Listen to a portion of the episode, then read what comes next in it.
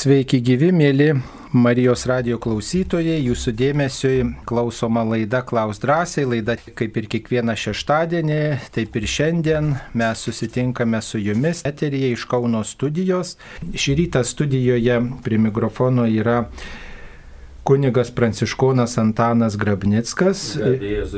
Per amžius amen ir prie mikrofono taip pat esu aš, kunigas Saulis Bužauskas. Taigi mums operatorius dabar perskaitys jūsų kokią žinutę ir mes pabandysime atsakyti. Garbėjai Kristui. Per amžius amen. Su vyru susitokėme Evangelikų liuteronų bažnyčioje, civilinę santoką nutraukėme. Kaip nutraukti bažnytinę santoką? Reikėtų kreiptis pirmiausiai šitais klausimais į bažnytinį tribunolą. Matot, e, ten geriausiai jums išaiškins. E, kiekvienu atveju yra visokių tokių niuansų, kurių, žinot, į kurias labiausiai būna įsigilinę, e, labiausiai būna įsigilinę tos ryties specialistai. Tai kiekvienoje viskupijoje veikia bažnytinis tribunolas. Dažniausiai tai yra prie viskupijos kurijos ir kurijos pastate, viskupijos centre ir ten, kur jūs gyvenate arba ten, kur jūs susitinkate susitokėte toje teritorijoje, štai kreipkitės ir pasitarkite. Bažnytinė santoka paprastai niekuomet nenutraukiama, jeigu jinai yra galiojanti. Todėl pirmiausias rūpestis yra išsiaiškinti, ar jinai tvarkingai sudaryta, galiojanti ir būtent bažnytinis tribunolas tuos klausimus, tuos klausimus tyrinėja bažnytinis tribunolas paskelbė santoką galiojančią arba negaliojančią, kad jinai galiojo nuo pat pradžių arba jinai e, negaliojo nuo pat su, to sudarimo momento. Tai tą reikia gerai įsisamoninti, nes jeigu jau mes e, prisiekėm, tai ta priesaika ir galioja, tačiau gali būti e, tokių dalykų, kad, reiškia, mes neišpildėm tam tikrų sąlygų numatytų ir tam tikros buvo nu, apgaulė ir panaš, panašus visokie dalykai yra, dėl kurių ta santoka santuoka nuo pat sudarimo pradžios yra negaliojanti, bet nėra taip, kad sudariau santuoką ir galiu ją bažnyčioje nutraukti. Tai tiesiog bažnyčios tribunolas pripažįsta santuoką e, negaliojančią. Tai vad reiktų tokie, tokie, tokią mintį ir ir, ir svarstyti, va, nes tik tai civilinės institucijos nutraukia santoką o, o, va, nuo jos, reiškia, vieno momento ne nuo sudarimo, bet nuo nuo vėlesnio momento, o, o bažnyčia pripažįsta santoką galiojančią arba negaliojančią nuo pat jos sudarimo momento. Taip, tai dar galbūt turime kokią žinutę. Garbėzui Kristui, pakim, pakomentuokite, jeigu galite, Siracido knygos 8 skyriaus 19 eilutę. Netverk savo širdies kiekvienam, nenuvyk nuo savęs laimės. Taip atsivertėme dabar šitą ištrauką. Siracido knyga, 8 skyrius, 19 eilutė. Taip mūsų operatorius teisingai perskaitė, netverk savo širdies kiekvienam, nenuvyk nuo savęs laimės. Na, reiktų turbūt skaityti visą, visą šitą skyrių. Šiame, šiame skyriuje kalbama apie tokią sveiką nuovoką ir tam tikrą išmintį. Apskritai išminties ir Ciracido knygos yra ta išminties raštyje, kuriame stengiamasi tokį aukso vidurį e, surasti va, ir, ir labai apdairiai elgtis, ne karšta košiškai, bet apdairiai išmintingai. Ir čia ir e, žodžiu ir, ir tiesiog patariama tikrai su kvailiu nesiginčyti, patariama tokio, tokios e, pasverti savo, savo išteklius ir panašiai.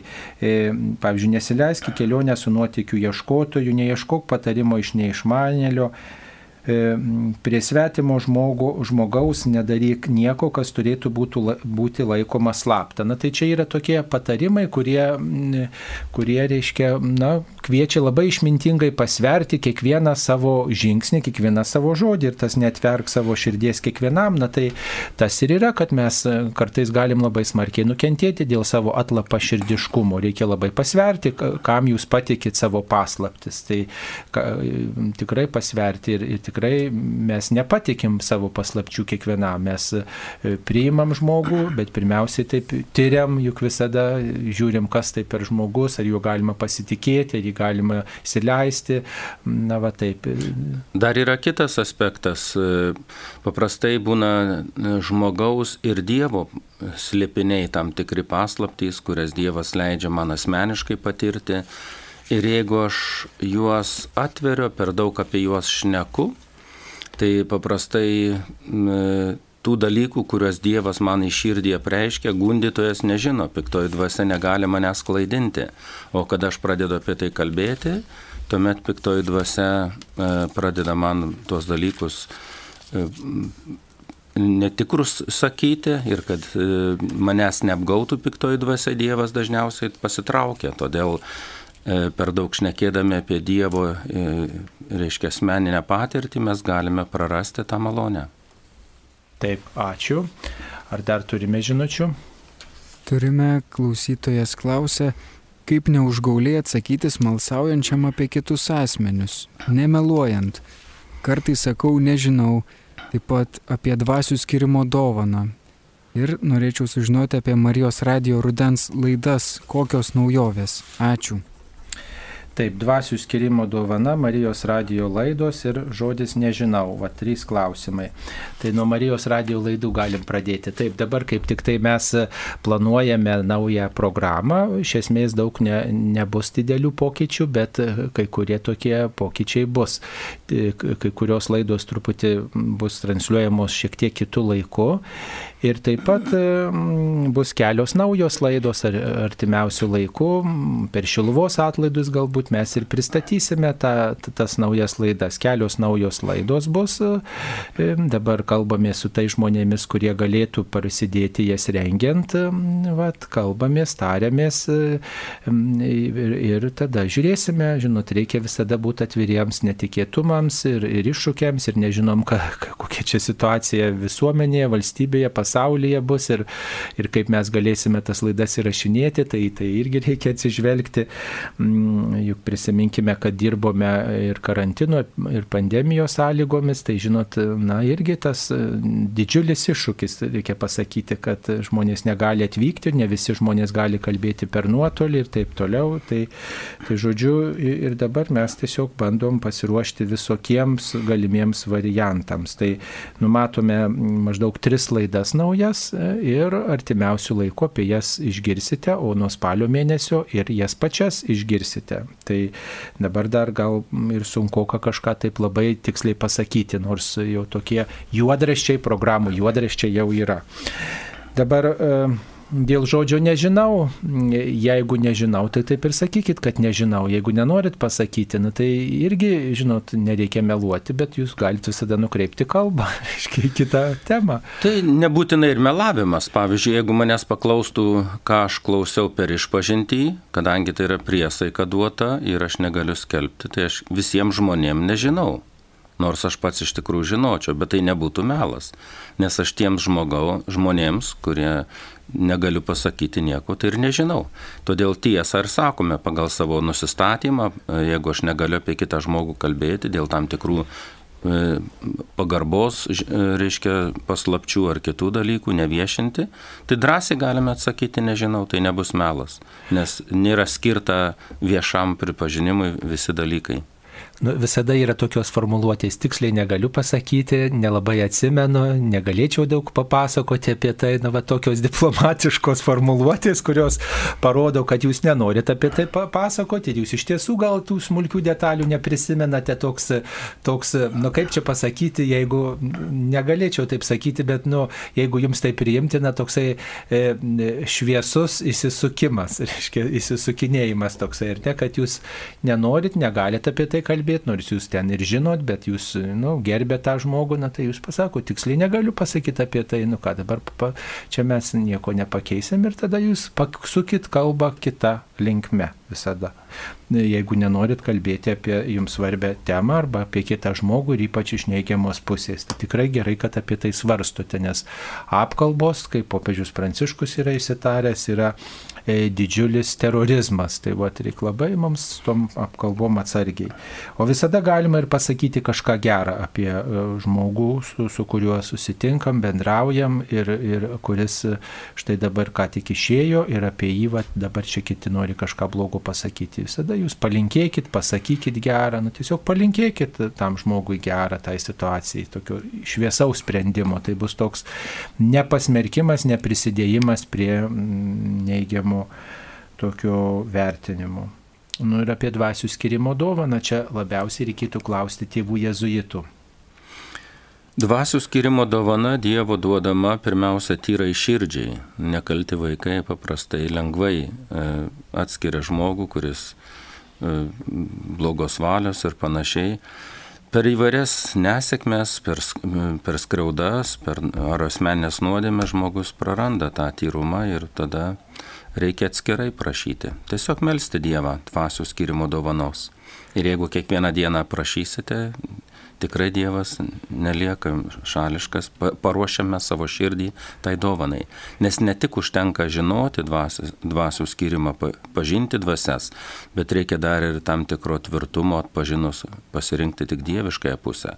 Tai tiesiog reikia prašyti ir dvasių skirimo dovanos ir tiesiog malonės visada atpažinus pasirinkti Dievo meilę, Dievo pusę. Na, pagrindinė taisyklė tai kur tai veda. Reiškia, ar tai veda į ramybę, į tarnystę, į pagalbą, į pusiausvyrą, į tokį dvasinį sustiprėjimą, į savo tapatybės atpažinimą, į, į uolesnį krikščioniško gyvenimo e, vykdymą, ar į priešiškumą, atgrasumą, tokį neapykantą, pyktį, kartėlį, nuoskaudas, nu, va, tai iš to ir sprendžiam. Jeigu tai veda į gerą, tai iš Dievo, ir jeigu tai veda į tokį tokį susvetimėjimą, titolimą, kartėlį, nerimą, baimę, liūdėsi, tai tikriausiai nebus iš Dievo. Tai tokia, tokia pagrindinė galbūt būtų taisyklė. Mums paskambino. Paskambino gintė iš Vilniaus. Taip, gintė, klauskite, jūs eteryje. Gerbėjusi Kristui. Per amžius. Taip, aš noriu tokį neklausimą, bet tiesiog mane tai paveikia šitas Kauno, kažkurio tai dabar nepamenu, bažnyčioj į centrinį altorių įdėtas naujas paveikslas. Tai jau, kai sako, iš didelio rašto išeina iš krašto. Marija įparkuota į džinsus ir į mėgstinuką. Ar galima šitaip tyčiotis? Ir koks kunigas ten leido šitokį paveikslą įdėti į centrinį altorių ir iš vis tai yra pasityčiojimas? Prašau atsakyti, bet labai, kad būtų konkretu. Ačiū. Nu ką konkretu, aš nemačiau, galiu konkrečiai tiesiai šviesiai pasakyti, aš nemačiau ir ką aš galiu pasakyti.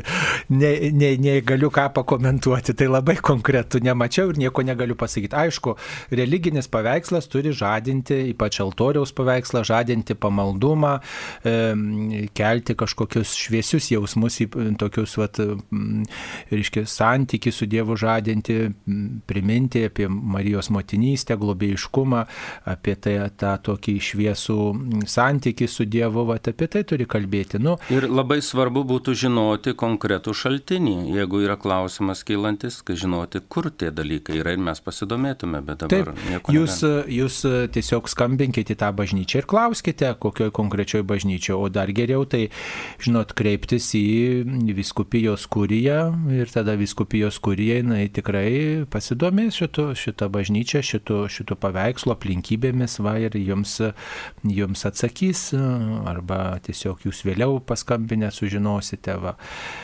Tai va, tai jeigu ten šio laikinis menas, tai yra nu, problematiška, viena vertus vieniems gražu ir šio laikiška ir labai ten labai originalu, o kitiems štai papiktinimas, tai čia yra šio laikinio meno toks iššūkis, tai va, tie galim pasakyti, nežinau, daugiau nebepridėsime. Taip, mums dar yra žinučių. Klausytojas klausė, kas yra paklusnumas popiežiui, kodėl tad nepaklustame jo raginimui skiepytis. Ačiū. Taip, popiežiui paklusnumas. Pirmiausiai, paklusnumas popiežiui yra tikėjimo ir doros dalykuose. Reiškia, popiežius moko kaip e, švento Petro įpėdinis, kaip e, tas, kuriam patikėta ta Kristaus gale mokyti apie Dievą, apie jo žinę, apie Dievo veikimą ir tuose tikėjimo, moralės, doros dalykuose.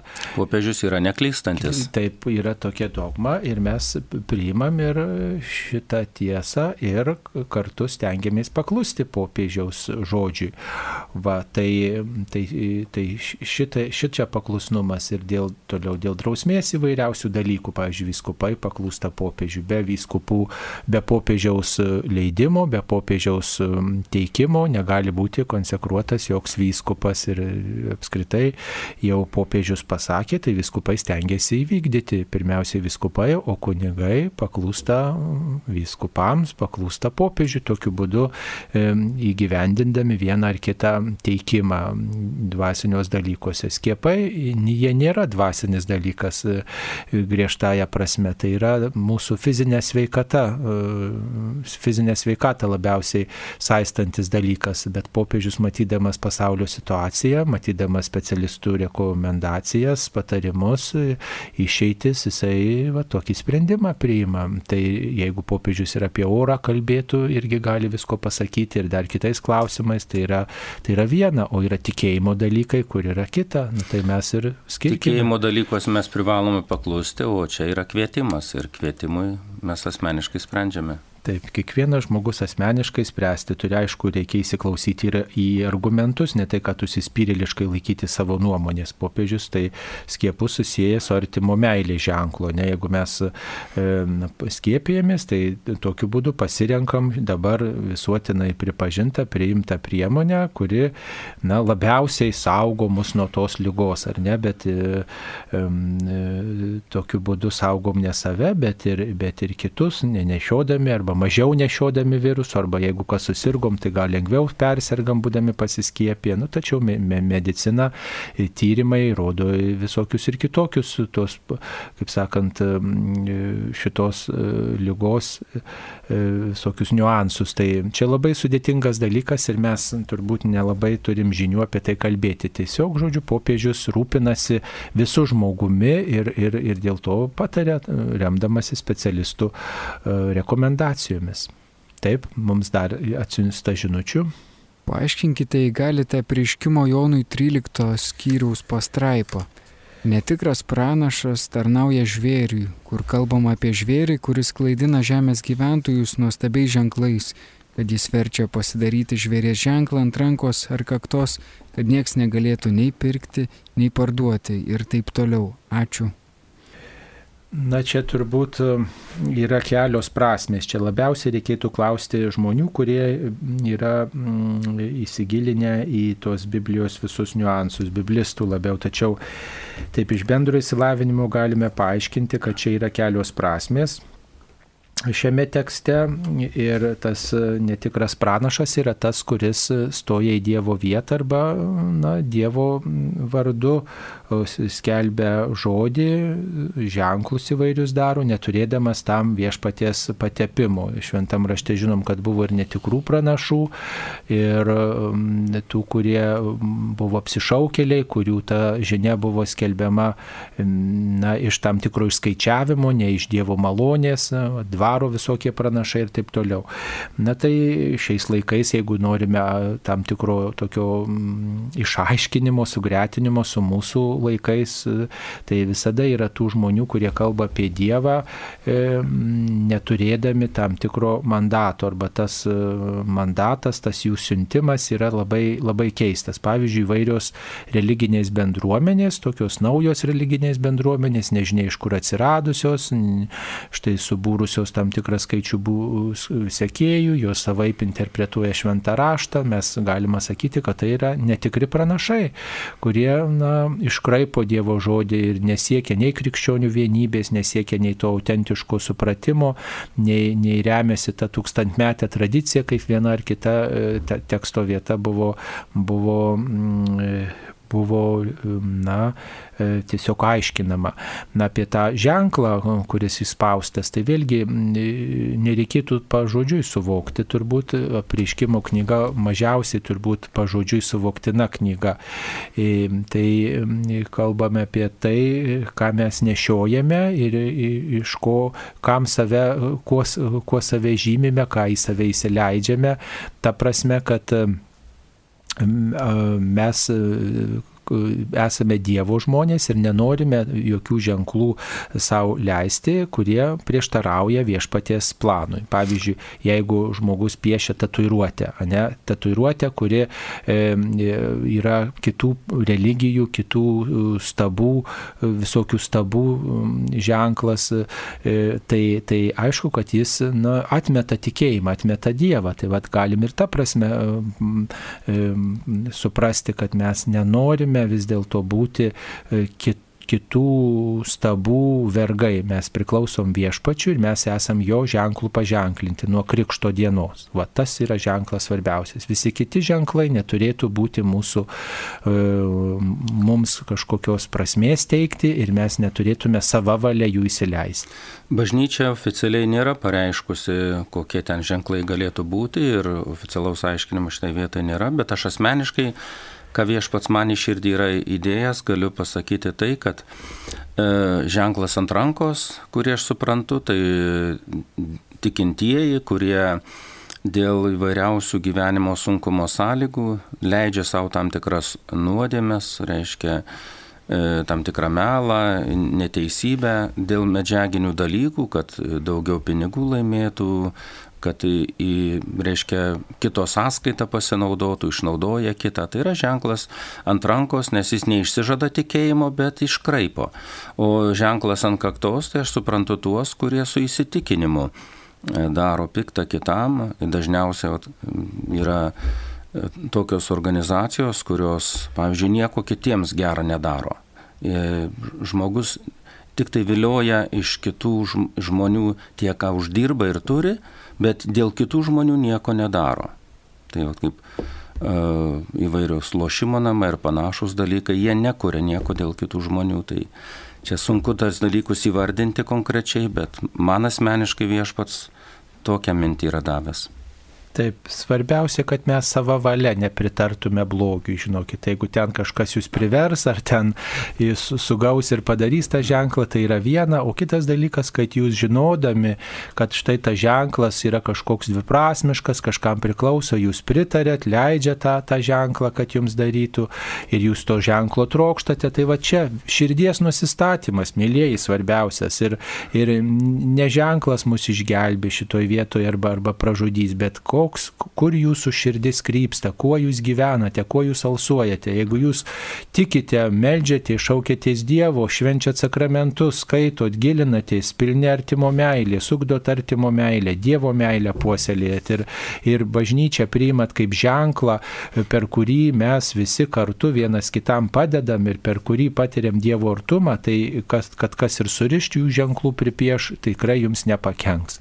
Va, o jeigu mes čia visai visur, visur visokias samokslo teorijas išvelgiam, bažnyčią paniekinam ir tą Dievą, ir patys kuriam savo tikėjimą, nu tai tada aišku, kad mes atsiveriam tikroviai, kuri, kuri mus ir paženklins, neaišku kuo. Tai, tai va čia svarbiausia mums ištikimybė, ištikimybė prasideda žmogaus širdį, va taip. Ir tada iš to ir kyla ir mūsų išoriniai visi ir ženklai, ir veiksmai, ir sprendimai. Pasikalbėkit su tai žmonėm, pavyzdžiui, kurie įsipiešia tatuiruotėmis, jie, kaip jie vertina bažnyčią bažnyčią, kaip jie vertina Dievą ir viskas bus aišku. Va. O ta žmogus, kuris čia štai lanko bažnyčią ir, ir ką jisai švenčia sakramentus ir ką jisai mano apie bet kokius ženklus, jisai neleis, kad jam pieštų jo valia. Jeigu jį ten privers kažkaip, tai yra visai kas kita, tai jau jo laisvos valios nebuvimas, nes ten, kur nėra aiškios laisvos valios, ten nėra ir sąmoningos sunkios nuodėmės. Taip, mums pas, e, atsiuntė žinutę Porą vasaros šeštadienių nebuvo šios laidos kartojimo, 21.45 nebus ir šiandien. Jei vyksta naktinės adoracijos transliacija, gal laidą Klaus drąsiai būtų galima kartoti kitų laikų, jei ne šeštadienį, tai gal kitą dieną, sekmadienį ar pirmadienį. Laidos kartojimą išgirsti yra gerai. pasidaro žymiai aiškiau. Taip, yra gerai laidų kartuojimą išgirsti, pritarėme, tačiau pasigailėkit mūsų mėlyjei klausytojai, mūsų čia yra visai tik saujelė. Ir čia vienu žodžiu, kai keičiasi programos, kai keičiasi visokie, um, visokie čia įvykiai, viską mes tiesiog, žinot, neturim nei rankų, nei sveikatos, nei, nei jėgų. Um, ten dar pertvarkyti. Viskas čia programos, žinot, vyksta da, truputėlį kompiuterizuota yra ir, ir ten reiškia reikia kažką patraukti patraukti, kažką pastumti ir tai yra papildomos e, laikas, papildoma sveikata ir, ir jėgos. O mūsų čia yra tikrai labai nedaug. Ta proga tikrai kviečiam savanorius, kurie norėtų prisidėti prie Marijos radijo veiklos ir, ir įvairiose srityse patarnauti. Tikrai savanoriai mums reikalingi įvairiose srityse. Kviečiame užpildyti anketą internete ir taip pat ateiti į studiją čia Vilniuje ar Kaune tiesiog pasikalbėti su čia esančiais žmonėmis, nes savanorysčių yra pačių įvairiausių ir tikrai mums reikia rankų ir, ir žmonės vieni, vieni gali daugiau skirti, kiti mažiau, vieni vienu savo gyvenimo laikotarpiu gali skirti laiko, kiti vat, pasikeičia aplinkybės kažkokios ir jie jau nebegali daugiau skirti laiko, tai va įvairiausių yra atvejų. Tai tikrai apie jūsų pasiūlymą galima svarstyti, va, bet tam tam reikia, žinokit, vėl prisėsti, vėl, vėl ten svarstyti, vėl kažkam, kažkam vis atsiminti, vis perkeisti programą. Tai čia yra darbo, daug darbo tiesiog, tai pasakysim. O, o, o žinot, mes, mm, mūsų svarbiausia, svarbiausia užduotis vis dėlto, kaip radijo, yra vat, laidą parengti. Ne? Ir čia yra mūsų prioritetas - parengti laidą tiesioginę ar įrašą, va, o kartojimas tai jau yra, kaip sakant, kitos antraeilis dalykas, arba kartais net ir ne antraeilis, nes svarbiausia yra tiesioginė laida arba įrašas, kuris štai nuskamba ir, ir va, prašom klausytis, tai mes taip galim pasakyti pasakyti. O šiaip internete yra galima pasižiūrėti marijosradijas.lt, taip pat galima klausytis Marijos radijo per programėlę mobiliajame telefone ir taip pat galima mūsų klausytis per Spotify platformą. Va, tai pasidomėkite, ypač jauni žmonės domisi šito platformą ir siunčia muziką ir programas ir, ir galima taip pat per Spotify platformą klausytis ir Marijos radijo. Tai va, išnaudokite tas galimybės, žinot, tai taip atsakytume. Taip. Garbėzui Kristui. Per amžius. Praėjusį kartą buvo klausimas dėl perskaitytų Magnificat maldinėlių. Galima juos palikti autobusų stotyje. Kiek nunešiau, visi buvo paimti, rašo Zita. Taip, labai geras sprendimas palikti kažkur viešoje vietoje. Aišku, yra rizika, kad kažkokia valytoja tvarkys ir su, sušlamš viską į šiukšlių dėžę suvers, kaip neretai būna. Tai va ir apie tai pagalvokit, neliko, bet gal tvarkytoja išmetė į šiukšlių dėžę. Tai, e, tai gali... Dievo žodis neturėtų atsidurti šiukšlynę. Taip, Geriau neturėtų. sudeginti. Sudeginti arba tada jau padovanoti makulatūrai, kad, reiškia, būtų perdirbama, reiškia, ir gaminami kiti leidiniai. Magnifikat, kiek žinau, renka tuos e, e, jau panaudotus e, numerius, leidinėlius. Galima susitarti su redakcija ir didesnį kiekį perduoti ir jie tiesiog pasirūpins, kad tie leidinėliai būtų perdirbti, gaminami kiti Magnifikat numeriai arba kokia kita literatūra. Tai žodžiu, nesivolio šiukšlynė, kitaip sakant, ne, bet popierius patarnaus štai kitiems gaminiams. Ir taip mes prisidėsim prie tausojimo šitos planetos medžių išteklių tausojimo, apie ką kalba ir popiežius, ir apie tai bus net ir e, rugsėjo mėnesio popiežiaus intencija, kad tausotume pasaulį ir visokius išteklius. Ar tinka katalikui dalyvauti mitinguose, kur keikiama valdžia, skleidžiama nepykanta kitataučiams, migrantams, Kokia turėtų būti kataliko laikysena, jei jis nesutinka su valdžios sprendimais? E, na tai aišku, kad netinka katalikui prisidėti prie tų, kurie keikia, plūstasi, niekina kitus. Jeigu e, nesutinki su valdžios sprendimais, na tai yra civilizuotos priemonės. Jūsų yra e, apylinkiai kažkoks Seimo narys, kuris išrinktas. Na va, jam rašykit visokius, visokius raštus, su kuo konkrečiai nesutinkat, kas jums, kas jūs piktina. Nu tiesiog išsakyti nuomonę. Vat, jeigu Seimo nariai gautų daugiau laiškų, pasirašytų aiškių su argumentais, nesuplūdimusi, na tai tikriausiai ir sprendimus kitus priimtų. Na yra ir tos kitos priemonės numatytos įstatymuose ir ta susirinkimų laisvė kol kas nėra uždrausta ir, ir katalikai gali rinkti su bendraminčiais ir socialiniuose tinkluose pasisakyti ir, ir, ir ir, ir visur kitur pasisakyti, dalyvauti ir išreikšti savo nuomonę e, va, ir valdžiai pa, pareikšti savo požiūrį. Tai tos priemonės yra demokratiniai visuomeniai. O, o šiaip tai visada svarbu dalyvauti aktyviai rinkimuose, kur mes labiausiai turim teisę pa, pasireikšti. O šiaip yra ir visokiausių internetinių puslapių ir, ir įvairių galimybių viešai, viešai pasakyti. O jeigu norite, kad valdžia išgirstų, na tai gali galima ir, ir susitarti dėl ir susitikimo su um, tais valdžios žmonėmis ir, ir, žodžiu, visokiais būdais pareikšti savo poziciją. O visada lieka, kad svarbiausia ir gal labiausiai nuo to reikėtų pradėti, tai malda. Visų pirma, reikia melstis mums uh, už mūsų valdžią, už mūsų kraštą, už šitą pasaulį. E, prašyti taikos, prašyti išminties, prašyti sutarimo, prašyti šventosios dvasios, kad būtų tinkami sprendimai priimti. Ir tiesiog, na, šitoje situacijoje, žinokit, čia pats Saliamonas, kaip sakant, kažin kokį sprendimą priimtų. Čia netaip lengva vis dėlto priimti tokį išmintingą sprendimą, e, kai yra dar įvairios ir įtakos, ir požiūrį ir taip toliau. Tai, tai mes katalikai šitą pareigą pirmiausiai turim neplūstis, o melstis, kiek mūsų meldžiasi už prezidentą, už, už Seimą, už vyriausybę, kokia būtų tokia, gal ne mūsų išrinkta, ne mūsų kandidatai išrinkti, kuriuos norėjome, bet jeigu jau yra tokia valdžia, nu, tai prašykim ją šviesos, kad jeigu nesugeba, tai išeitų, jeigu sugeba, tai priimtų pačius geriausius sprendimus ir rūpintųsi ne tik savo gerovę, ne tik savo siaurais interesais, bet kiek įmanoma visų piliečių um, gerovę, visų piliečių gėriu ir taip pat ateiti mūsų krašto, viso pasaulio ir taip pat nepamirštų, kad reiks vis dėlto ir jiems mirti, reiks atsistoti prieš viešpatį. Va. Tai kad Dieve duok jiems išminties ir šventos dvasios dovanų. Ir norėčiau priminti pareigą, kad jeigu ką nors rinkimuose išrenkame, balsuojame už kurio žmonės, tai nesibaigia mūsų pareiga, bet turime lydėti juos darbę savo maldą nes daug įvairiausių išbandymų ir bandymų prievartą kokiu nors dalyku tam primesti, mes visų paslapčių nežinom, bet uh, prakeikimas valdžios tai yra prakeikimas ir savo gyvenimo. Todėl mes turime pirmiausia melstis arba bent jau bandyti atsverti tą kiekūnų minę savo maldą, kad Dievo palaiminimas mums patikėtas į mūsų rankas pats Dievas nėra policininkas, kad jis ateitų ir mūsų gyvenimus tvarkytų. Mes turime rūpintis, pašvesti save ir savo artimuosius. Taip, mums dar atsiuntė žinučių.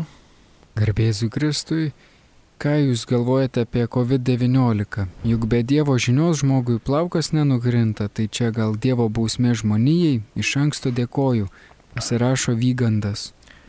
Aišku, kad tai yra Dievui žinoma, Dievui, na, Dievo planuose tai yra, kaip ir bet kuris kitas dalykas. Suprantat, pats blogiausias dalykas yra Dievo leistas kažkaip, kuris mums nutinka. Bet matot, kaip ir nelaimė, kaip ir nuodėmė, net mūsų nuodėmė gali mus, žinot, arba pražudyti, arba tapti mums atsivertimo priežastimi. Suprantate, juk pavyzdžiui dabar, žiūrėkit, per šitą karantiną yra ir blogų dalykų nutikę, daug sveikato žmonės prarado, daug ir, ir, ir tiesiog susipriešinimo, daug ir tokio ir susvetimėjimo, nepasitikėjimo, atitolimo ir visokių psichologinių, dvasinių traumų, atitolimo nuo bažnyčios, bet kita vertus, žiūrėkit, žmonės išmoko naudotis technologijom, žiūrėkit, žmonės atrado, kad ne tik tai galima miestuose gyventi, bet galima gyventi ir kaime, dirbti per nuotolį, žmonių santykiai kažkaip kitoj šviesoje sušvito, žmonės pradėjo labiau vertinti keliones Lietuvoje, savo kraštą, pradėjo domėtis sveikatos dalykais labiau. Na va, ir kitas dalykas, kad žmonės supranto, kad vat, mirtis yra čia pat. Mirtis gali čia pat mus visus išguldyti. Ir reiškia tas mirties artumas, na, jis taip pat, na, irgi žmogų gali paskatinti vis dėlto susimastyti apie tai, kas yra amžina, kad viskas e, gali iš mūsų rankų greitai iškristi, vadinasi, kaž, į kažką reikia remtis. Na, tai tada yra proga atrasti Dievą, atrasti mišes, atrasti komuniją ir koks džiaugsmas, kad galim dalyvauti mišiuose be jokių suvaržymų, pavyzdžiui, pastaruoju laikotarpiu ar ne, ir kad ar žmonės tuo pasinaudoja.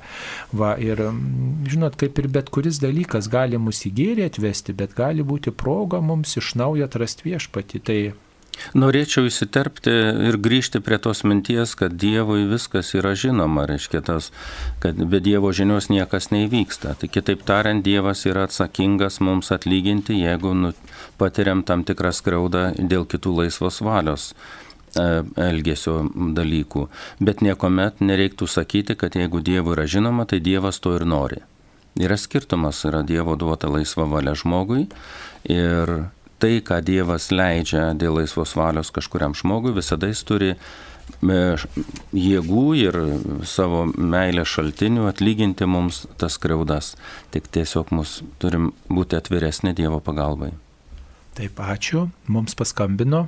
Aldona iš Kaišėdorių. Taip, Aldona, klauskite, jūsų klausome. Garbė Jėzų Kristų. Per amžius amen. Aš norėčiau sužinoti, ar galima melstis kito, pavyzdžiui, paėmus rožinį. Girdėjau, kad taip negalima, reikia turėti savo atskirai rožinį. Ir radus net sako, negalima paimti, nu, jei pamesta radinė, galima paimti, palikti reikia, nepaimti. Taip, ačiū. Nu, matot, rožinės tai kažkas panašaus, e, tokio, žinot, yra beveik į dantų šepetuką arba į, į nosinę, kur žmogus e, savo prakaitu e, tiesiog jį nuzulina, tiesiog nešiojasi prie savęs, dažnai rankose laiko, e, tiesiog ir, ir, ir visur lydi tas rožinis, aš, pavyzdžiui, beveik visuose rūbose turiu porožančių, nes įvairiomis progomis melžiuosi, tai, tai tiesiog jis būna ir nugludintas, ir, ir prakaito prisigėręs, ir dulkių, tai toks labai jau bet, asmeniškas. Bet tikrai nėra draudžiama ir nėra kenksminga kalbėti rožinį kito, rož, kito rožinio Taip. žmogaus. Mhm. Čia nėra pavojaus jokio, nei dvasinio, čia prietaringumas būtų, jeigu bijotume. Taip, čia jau prietarai, jeigu mes vis dėlto šitą imtume, nu čia tik tai toksai, žinot, žmogaus daiktas ir viskas man priklauso, kaip, kaip negaliu, pavyzdžiui, kito žmogaus daiktų nelabai noriu naudotis, noriu savo turėti ir visą, ypač tuo, kuriuo jis dažnai naudoja naudojasi, taip ir čia panašiai. Tai nėra, nie, nie jokios neusitrauksit nei bausmės, nei nelaimės, nei dar kažko, jeigu naudositės kito žmogaus. Bet dažniausiai tai, žinot, va, lieka kokios močiutės rožinės ten, jeigu man ta močiutė buvo mano e, artima, viską, tai aš galiu gal naudotis joms maldaknygė, bet jeigu man tai atrodo, kad čia va naudojasi žmogus, aš čia va savo turiu, nu, tai tiesiog paimam ir sudeginam tuos daiktus, kad jie nesimėtytų ir kad mes jų ne, neišniekintume, nes tie daiktai pašventinti. O šventųjų žmonių juk laikyti rožiniai tampa relikvijomis, tad ypatingai reiktų branginti ir, ir mokėti džiaugtis kito žmogaus maldingumu. Taip, tai žodžiu, nepakenks, bet visada e, toks, va, toks, visada, žinot, žmogus nori savo turėti. Gerai, mums dar žinučiu atsiųsti. Kaip nugalėti mirties baimę? Turbūt neįmanoma mirties baimės nugalėti. Visi truputį prisibijom išnykti, visi prisibijom, kad reikės prieš Dievą stoti. Pasitikėti Dievu. Vienintelis vaistas turbūt pasitikėti Dievu, kuris vienas mirtį nugalėjo ir jeigu viešpats nugalėjo, jis yra ne tik Dievas, bet ir žmogus, perėjo per mirties vartus ir prisikėlė ir visus savo ištikimuosius žada prikelti, na tai ir man yra ko bijoti, remiuosi tuo, kuris man artimesnis už mane patį, kuris mane myli, kuris už mane gyvybę atidavė ir juo pasitikiu, į jį kreipiuosi ir štai toj mirti turbūt, nors ir vienas, viena liksiu, bet ten bus Dievas, ten bus Dievas, kuris štai mane pasitinka. Mirties baimė Dievo duota mūsų prigimtyje, kad mes net ne, neseltume prieš save. Todėl tiesiogiai mirties baimės mes niekuomet nenugalėsime, tačiau tikinčiajam, kuris pažįsta Dievo meilę ir kelionė pas savo mylimojo tėvo į tėvo rankas kelionė, į susitikimą su Dievu, nedaro mirties baisios. Jis šiek tiek sunki, bet nėra baisi. Bet netikinčiajam mirtis yra ir sunki, ir baisi kartu tuo pačiu metu. Taip, dar turime žinučių. Edita iš Kauno klausė, kaip elgtis radus kapinėse prie konteinerių paliktus išmestus kryžius, nuimtus nuo kapų. Ačiū.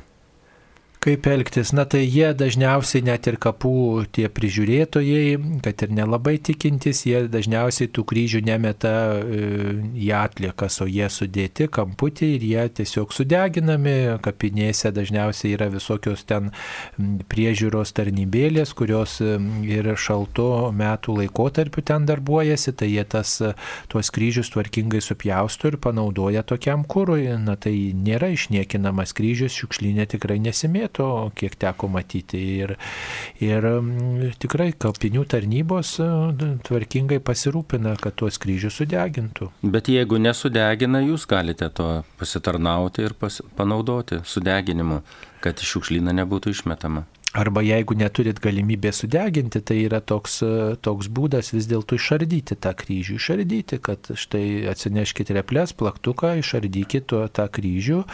E, na va, ir tada tą nukryžiuotą į galbūt į bažnyčią galite atnešti ar kur, jeigu neturit galimybę sudeginti, o kaip kryžius išardytas, jau jis nėra kryžius. Na va, ir to pavydalo nėra. Ir tada e, su tomis medžiagomis galima pasielgti kaip ir su bet kuriomis medžiagomis medienos atliekomis, turbūt taip. Va. Jei, bet čia tuo kritiniu atveju, jeigu neturit galimybių nei kur sudeginti, nei ma, ir matot, kad ten šiukšlynė voliojasi, tai va tokiu atveju šiaip tai geriausia yra sudeginti. Taip.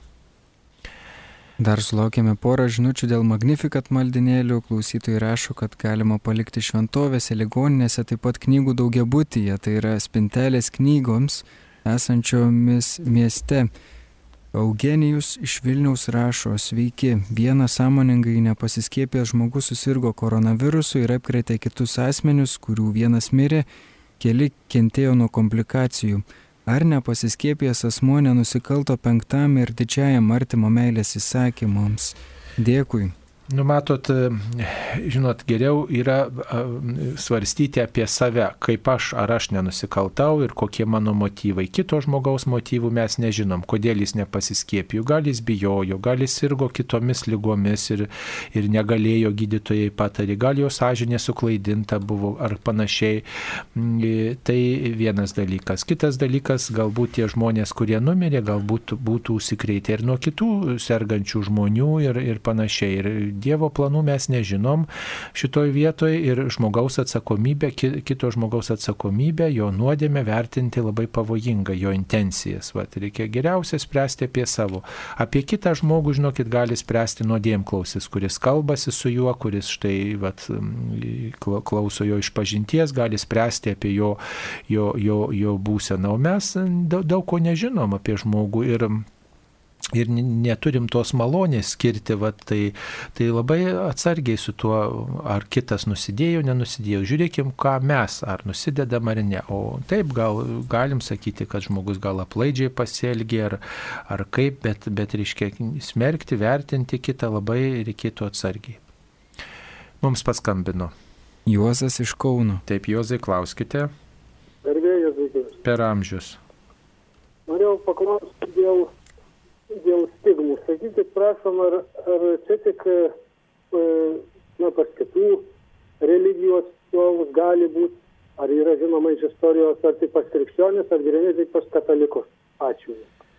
Na, matot, stigmos tai yra žaizdos tose vietose, kurias turėjo viešpats Jėzus Kristus.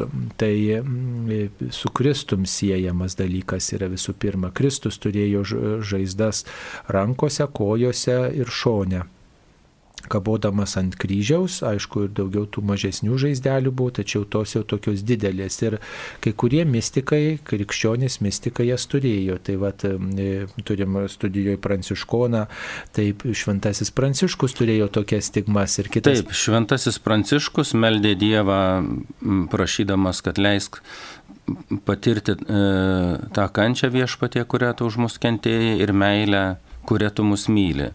Ir po to prašymo jis gavo stigmas du metus prieš savo mirtį. Tai buvo pirmasis žinomas žmogus Žemėje, kuris patyrė stigmas. E, nuo to laiko iki šių dienų yra žinoma bažnyčios istorija apie 400 žmonių, kurie yra stigmas turėję, bet yra nemažai žmonių, kurie turėjo stigmas ne iš Dievo. Todėl čia vien stigmos nerodo, kad tai yra Dievo ženklai. Taip, o kitose religijose me, ne, negalėčiau, turbūt negalėtume pasakyti turbūt ar ne, kad iški ten e, kokia kilmė. Galbūt ten yra nekrikščioniška kilmė ir ne, su Kristumi nėra nieko bendra ten, jeigu ir turi žmonės žaizdas ir ten yra kit, kitas pagrindas ir kitas paaiškinimas ir kita prasme. Taip, turime žinučių. Genovaitė iš Vilniaus Ar nenuodėmė katalikams agituoti nesiskiepyti nuo koronaviruso, juk šventasis tėvas pats pasiskiepijo ir ragina skiepytis su Dievu? Na, nuodėmė yra moraliniuose dalykuose. Su pirma, dabar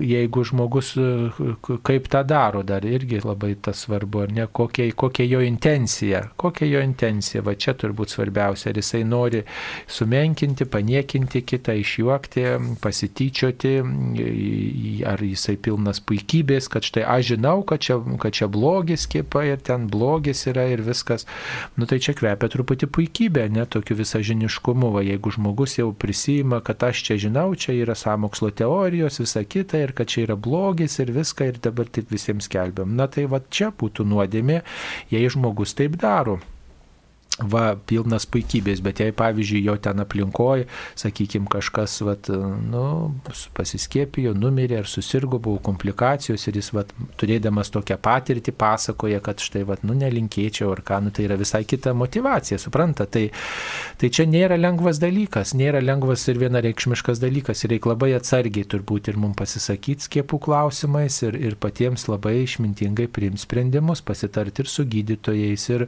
ir pasverti savo sveikatą ir, ir, ir pažiūrėti ir viską ir tiesiog labai apdairiai vertinti save, kitus ir savo pasirinkimus. Ir labiausiai kvieščiau saugoti savo širdį nuo bereikalingų kaltinimų, nes per kaltinimus satan hebrajiškai reiškia kaltintojas, mes sakom šietonas, neversdami tą žodį, tad kaltintojas mūsų laikais labai drasko žmonių širdis, tad saugokime kaltinimą. Taip, mūsų laida tiesioginė, ją galite e, skambinti telefonu 837 32 32 30 ir taip pat galite siūsti trumpąsią žinutės telefonu 865 0 49 107 ir dar turime žinutę. Garbėzui Kristui. Per amžius. Kokiu tinkamu rūbui paskutinę kelionę reiktų renkti artimą? Komercinė pasiūla yra didelė, bet nelabai vykusių rūbų kaip rengiami vienuoliai kunigai. Nu, labai gražu, kad kunigai rengiami ir vienuoliai tais rūbais, e, kuriais e, tarnavo prie altoriaus. E, va. Ir tokia tradicija, kad kunigas rengiamas sutana, rengiamas alba ir rengiamas violetiniu arnutu, paruošiamas aukoti šventasis mišes. Taip kaip tarnavo žmonėms, taip ir, taip ir yra pašarvojamas vienuoliai su abitu. E, šarvojami. Taip. Na, vyrai dažniausiai šarvojami su kostiumu, nu, tokiu šventiniu kostiumu išeiginiu ir žmonės pasirūpina jau paprastai vyresnė įkapėmis, va, moteris, nu, to ilgą suknelę. Na, aišku, teko girdėti, teko va, iš bičiulių kunigų apie tokias laidotuvės, kur tikrai žmogus e, štai numirė, moteris ir sako, dar prieš mirtį, sako, žinot, artimieji, mėly mano artimieji, man jokių ten įkapių neruoškite, specialių, va, paimkite iš spintos mano rūbus, kuriuos nešioju ir apvilkite, batelius, kuriuos nešioju, pažiūrėkit, kur gražesni, va, nereikia ten jokių naujų, kaip aš gyvenau, tarnavau žmonėms, dirbau, taip ir va, ir noriu iškeliauti. Vat. Tai va tokių yra istorijų. Na, žmonės, kurie štai galvoja apie mirtį ir ten turi tam tikrų kažkokių įsipareigojimų, tarnyščių įvairiausių, tai pasisiuva tokius specialius rūbus, tai teko girdėti, pavyzdžiui, moteris e, chorė gėda, jinai va, šventiniais rūbais chorė gėda, sako, aš norėčiau tokiais rūbais būti palaidota. Nu ir sutarė su klebonu, to tą vieną pasisiuvo tokį komplektėlį, spintoj pasidėjau, sako, nu va, aš, man patiko gėdoti, aš džiaugiausi, šlovinau šlovinau viešpatį ir man tas rūbas toks gražus, taip aš jį tausojau, sako, ir norėčiau, kad su juo mane palaidotų, tai va taip. Taip, o kada mirusysis aprengiamas senais rūbais, kartais ne, ne, artimiesiems nelabai gražu. Todėl man teko matyti Junktinėse valstijose, kada gamina labai pigius ir rūbus, ir batus, pažiūrėjau, iš kartono, jie labai gražiai atrodo, bet jie praktiškai nenešiojami, tik tai mirusiojo reikalams. Na tai, žinot, mirusis papuošiamas, nes tiesiog palydimas na, per tuos mirties vartus. E, tiesiog yra tokia pagarba žmogui, ar ne? Aš žinom visi, kad tas kūnas e, sudulės, kad tie rūbai sudulės, bet vis tiek kažkodėl naujus žmonės užvelka švarius tuos rūbus, nes tai yra pagarba žmogui, ar ne? Ir pagarba tam slėpiniui, kuriuo mes protų neapriepiame. Žmogus palydimas į kelionę ir žinom, kad vis dėlto jau nepriklauso šiam pasauliu, bet mes žinom, kad žmogus nėra tik tai kūnas, bet jame yra ir šventos dvasios buveinė tai ir su pagarba mes tą buveinę palydime. Va. Tai su pagarba žmogų pasitinkame su meilė, su pagarba išlydime tai, kam esam kviečiami. Aišku, tie papročiai labai yra e, komercijos e, įveikiami, e, bet mes išmintingai galime irgi truputį galvoti, pavyzdžiui, kas trukdo pasiruošti įkapės iš anksto, kas trukdo pasiruošti įkapės vyram. Vyrai, va, ypač vyresni, va, mano aplinkoje, pavyzdžiui, amžinatelis ir seneliai numirė, ir, ir amžin, tėvas numirė, tai visi turėjo pasiruošę tiesiog rūbus, kuriais norėtų būti, su kuriais palaidoti ir jokių problemų problemų nekilo. Tai, tai kas trukdo mums visiems, ypač vyresniem, apie tai pagalvoti, ne? Ir štai spintoje, va, tegul būna tas rūbas. Ir, ir tiesiog mes taip ir artimiesiems informuodami juos, kokiu būdu norime būti palaidoti, kur norime būti palaidoti, e, artimiesiems palengvinsim tas visas laidotuvių E, visas tas mintis ir, ir tuos rūpeščius tiesiog atitolinsime ir sumažinsime. Tai vat, apie tai verta pasvarstyti, bet kartu labiausiai verta turbūt galvoti, kokia mūsų e, dvasinė būsena vis dėlto yra, su kaip mes iškeliaujam, ar mes atlikę išpažinti, susitaikę, atleidę visiems, ar neturim skriaudų, kam padarė, ar atsiprašėm visų, ar tikrai pasimeldėm pakankamai ir tikrai susitaikėm su Dievu, ar tikrai mūsų gyvenimas pataisytas, nepriekaištingas. Vat apie tai labiau reikėtų gal galvoti, ne, ir tiesiog nesusikoncentruoti į tuos išorinius dalykus, kurie vis dėlto trapus yra. Taip, mums paskambino. Antanas iš Klaipėdos. Antanai, klauskite. Taip, dar kartą garbė Jėzui Kristui. Per amžius. Aš, a, mano klausimas apie dvasinę išpažinti. Dabar žiūrėkit, atlikus tobulą gailestį, atsiprašius Dievų, pasimeldus, pasižadėjus daugiau nenusidėti, m, mm, reiškia, mes gauname nuodėmę atleidimą. Kodėl po to reikia vis tiek atlikti išpažinti kunigui į ausį? Kas, kas taip e, kas tokią tvarką nustatė ir kada tai buvo nustatyta. Nejaugi Dievas nėra visagalis, kad turi laukti kunigų e, verdiktų, kaip sakant, norėčiau, e, kad paaiškintumėte. Viešpats Jėzus tą dalyką nustatė. Labai aiškiai prisikėlimo antrą sekmadienį, kai per atvelį ateisite į bažnyčią, išgirsite viešpaties kartojimo žodžius. Imkite šventąją dvasę, kam atleistė nuodėmės bus atleistos, kam sulaikysite sulaikytos. Tai būtent viešpats Jėzus, norėdamas mus dvasiškai gydyti, įsteigė kunigystę ir jos tam paskyrė. O išpažintis, dvasinė išpažintis, apie kurią kalbate, yra mirties atveju, kada neįmanoma atlikti išpažinties, ją reikėtų praktikuoti. Ir taip, kaip jūs minėjote, nuodėmės atleidžiamos, bet visada lieka pareiga išgyventi Dievo teismą. Nes e, išgyventi Dievo teismą savo sąžinėje ir kunigas yra įpareigotas man atleisti. Tai yra, kunigo pareiga yra atleisti, ne verdiktus skelbti, bet atleisti kunigas įpareigotas. Pats savo aš negaliu atleisti, todėl net tie kunigai, kurie duoda bendrą išrišimą visiems, turėtų priminti, pagal bažnyčios nuorodas, priminti pareigą asmeniai išpažinčiai. Tai yra toks ir bažnyčios mokymas, ir toks, tokia viešpaties Jėzaus valia.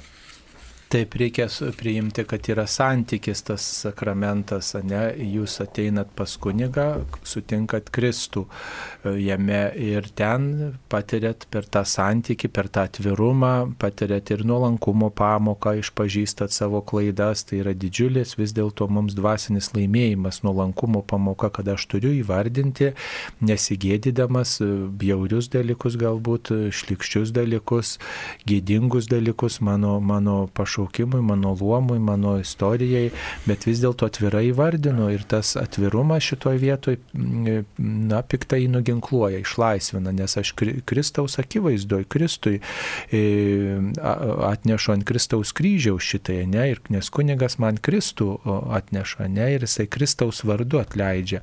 Ir dar yra aspektas labai svarbus, tai yra tam tikras žodelis iš kunigo, patarimas, tam tikras dvasinis palydėjimas. Ir kunigas asmeniškai meldžiasi už mane. Yra jo čia pat sukalbama malda. Aš tave išrišu iš tavo nuodėmių, kurių baigėsi. Ne taip maždaug.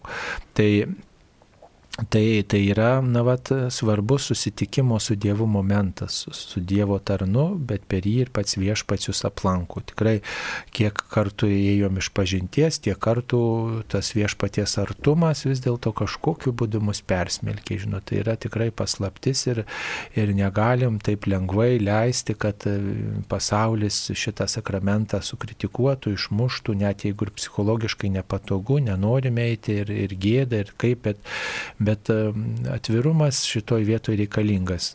Taip, su Dievas mato, Dievas atleidžia visą kitą, bet, bet tas įvardinimas tiesiai išviesiai, žinokit, nepaprastai išlaisvina. Ir ne šiaip savo įvardinu bet kam, ar čia Dievui, kuris čia girdi visur, bet įvardinu žmogui, bendruomenės nariui, kuriuo, per kurį taip pat su bendruomenė susitaiko. Kuningas kaip bendruomenės narys šiuo atveju yra. Ir, ir, ir žinom, kad kuningas yra laikosi iš pažinties paslapties.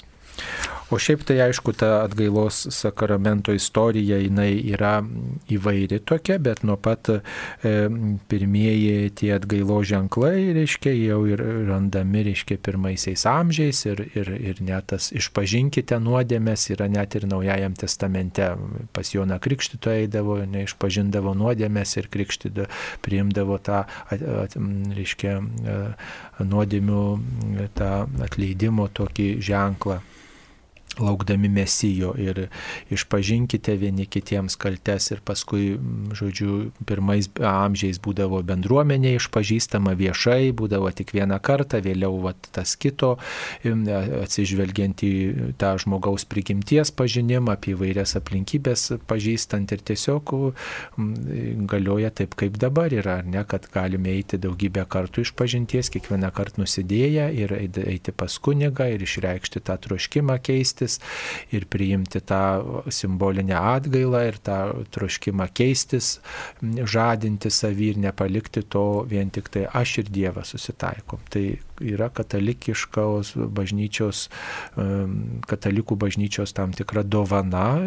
tapatybės tam tikras ženklas yra, ne, katalikų bažnyčia šitą sakramentą puoselėje ir jis nėra atšauktas, tai taip, kad šveskim ir pasinaudokim šitą malonę, kas ėjo daugybę kartų iš pažinties, tas žino, kaip yra gera išsilaisvinti ir kaip gera pasikalbėti su kunigu. Ir tikrai, ačiū Dievui, turim galimybę pasirinkti nuodėm klausy.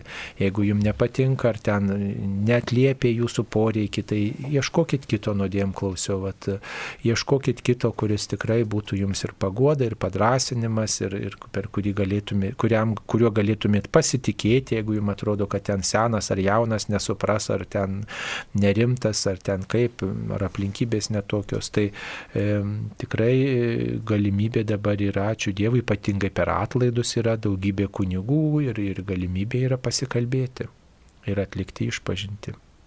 Taip, mums paskambino. Janina iš Vilniaus. Janina, klauskite. Jadviga iš Vilniaus, garbė Jėzui Kristui. Per amžius amen. Norėčiau paaiškinimo.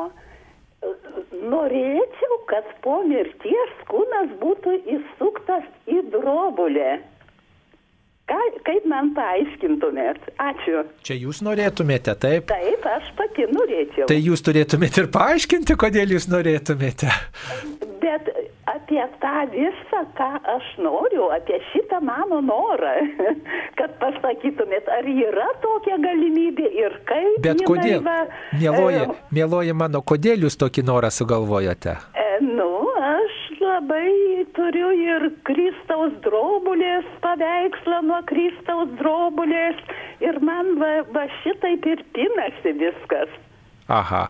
Nu, tai čia, žinot, kaip sakyti, tas susitapatinimas, panašėjimas su Kristumi labai gražus yra. Svarbu, kad jūs ir gyventumėt, kaip Kristus moko. O jeigu jūs drobulę pasiruošė tokią, kaip Kristus buvo įviniotas, matot, Kristus buvo įviniotas dėl to, kad buvo toks laidojimo paprotys tuo laikotarpiu. Visus taip susukdavo į drobulę ir taip palaidodavo tam krašte tuo laikotarpiu, kada gyveno Kristus. Jis ir nešiojo tokius rūbus, kaip tuo metu nešiojo. Dabar Kristus, jeigu ateitų, tai jis tikriausiai kitą tą laidojimosi būdą e, priimtų, kaip pasakyti.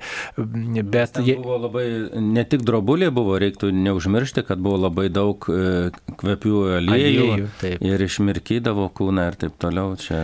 Nu, to krašto laidojimo paprotys, ar ne? Ir mes vat, istorinį tą aspektą pabrėžiam, kad Kristus tikrai istorinis asmuo ir, vat, ir likę ženklai tokie e, iš to laikotarpio, ar ne, kurie primena, kad tai tikrai istorinis asmo buvo, kad jis tikrai kentėjo, kad tai tikrai realus asmo buvo, kad jis tikrai prisikėlė, va tai yra ženklai, mūsų tikėjimo tam tikras pagrindimas.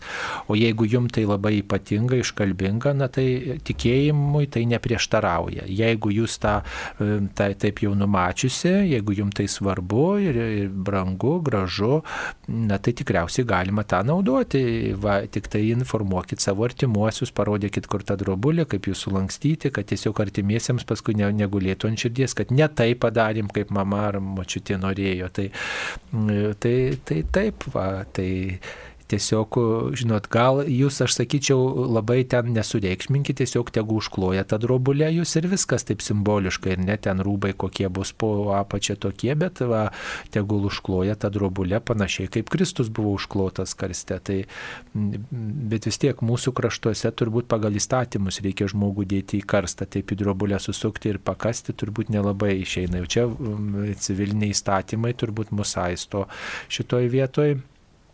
Tai vis tiek, jeigu jūs, reiškia, ir laidotų, tai turbūt paguldytų pirmiausiai į karstą ir tada gal, galėtų užkloti drobulę taip, kaip jūs ir norėtumėte.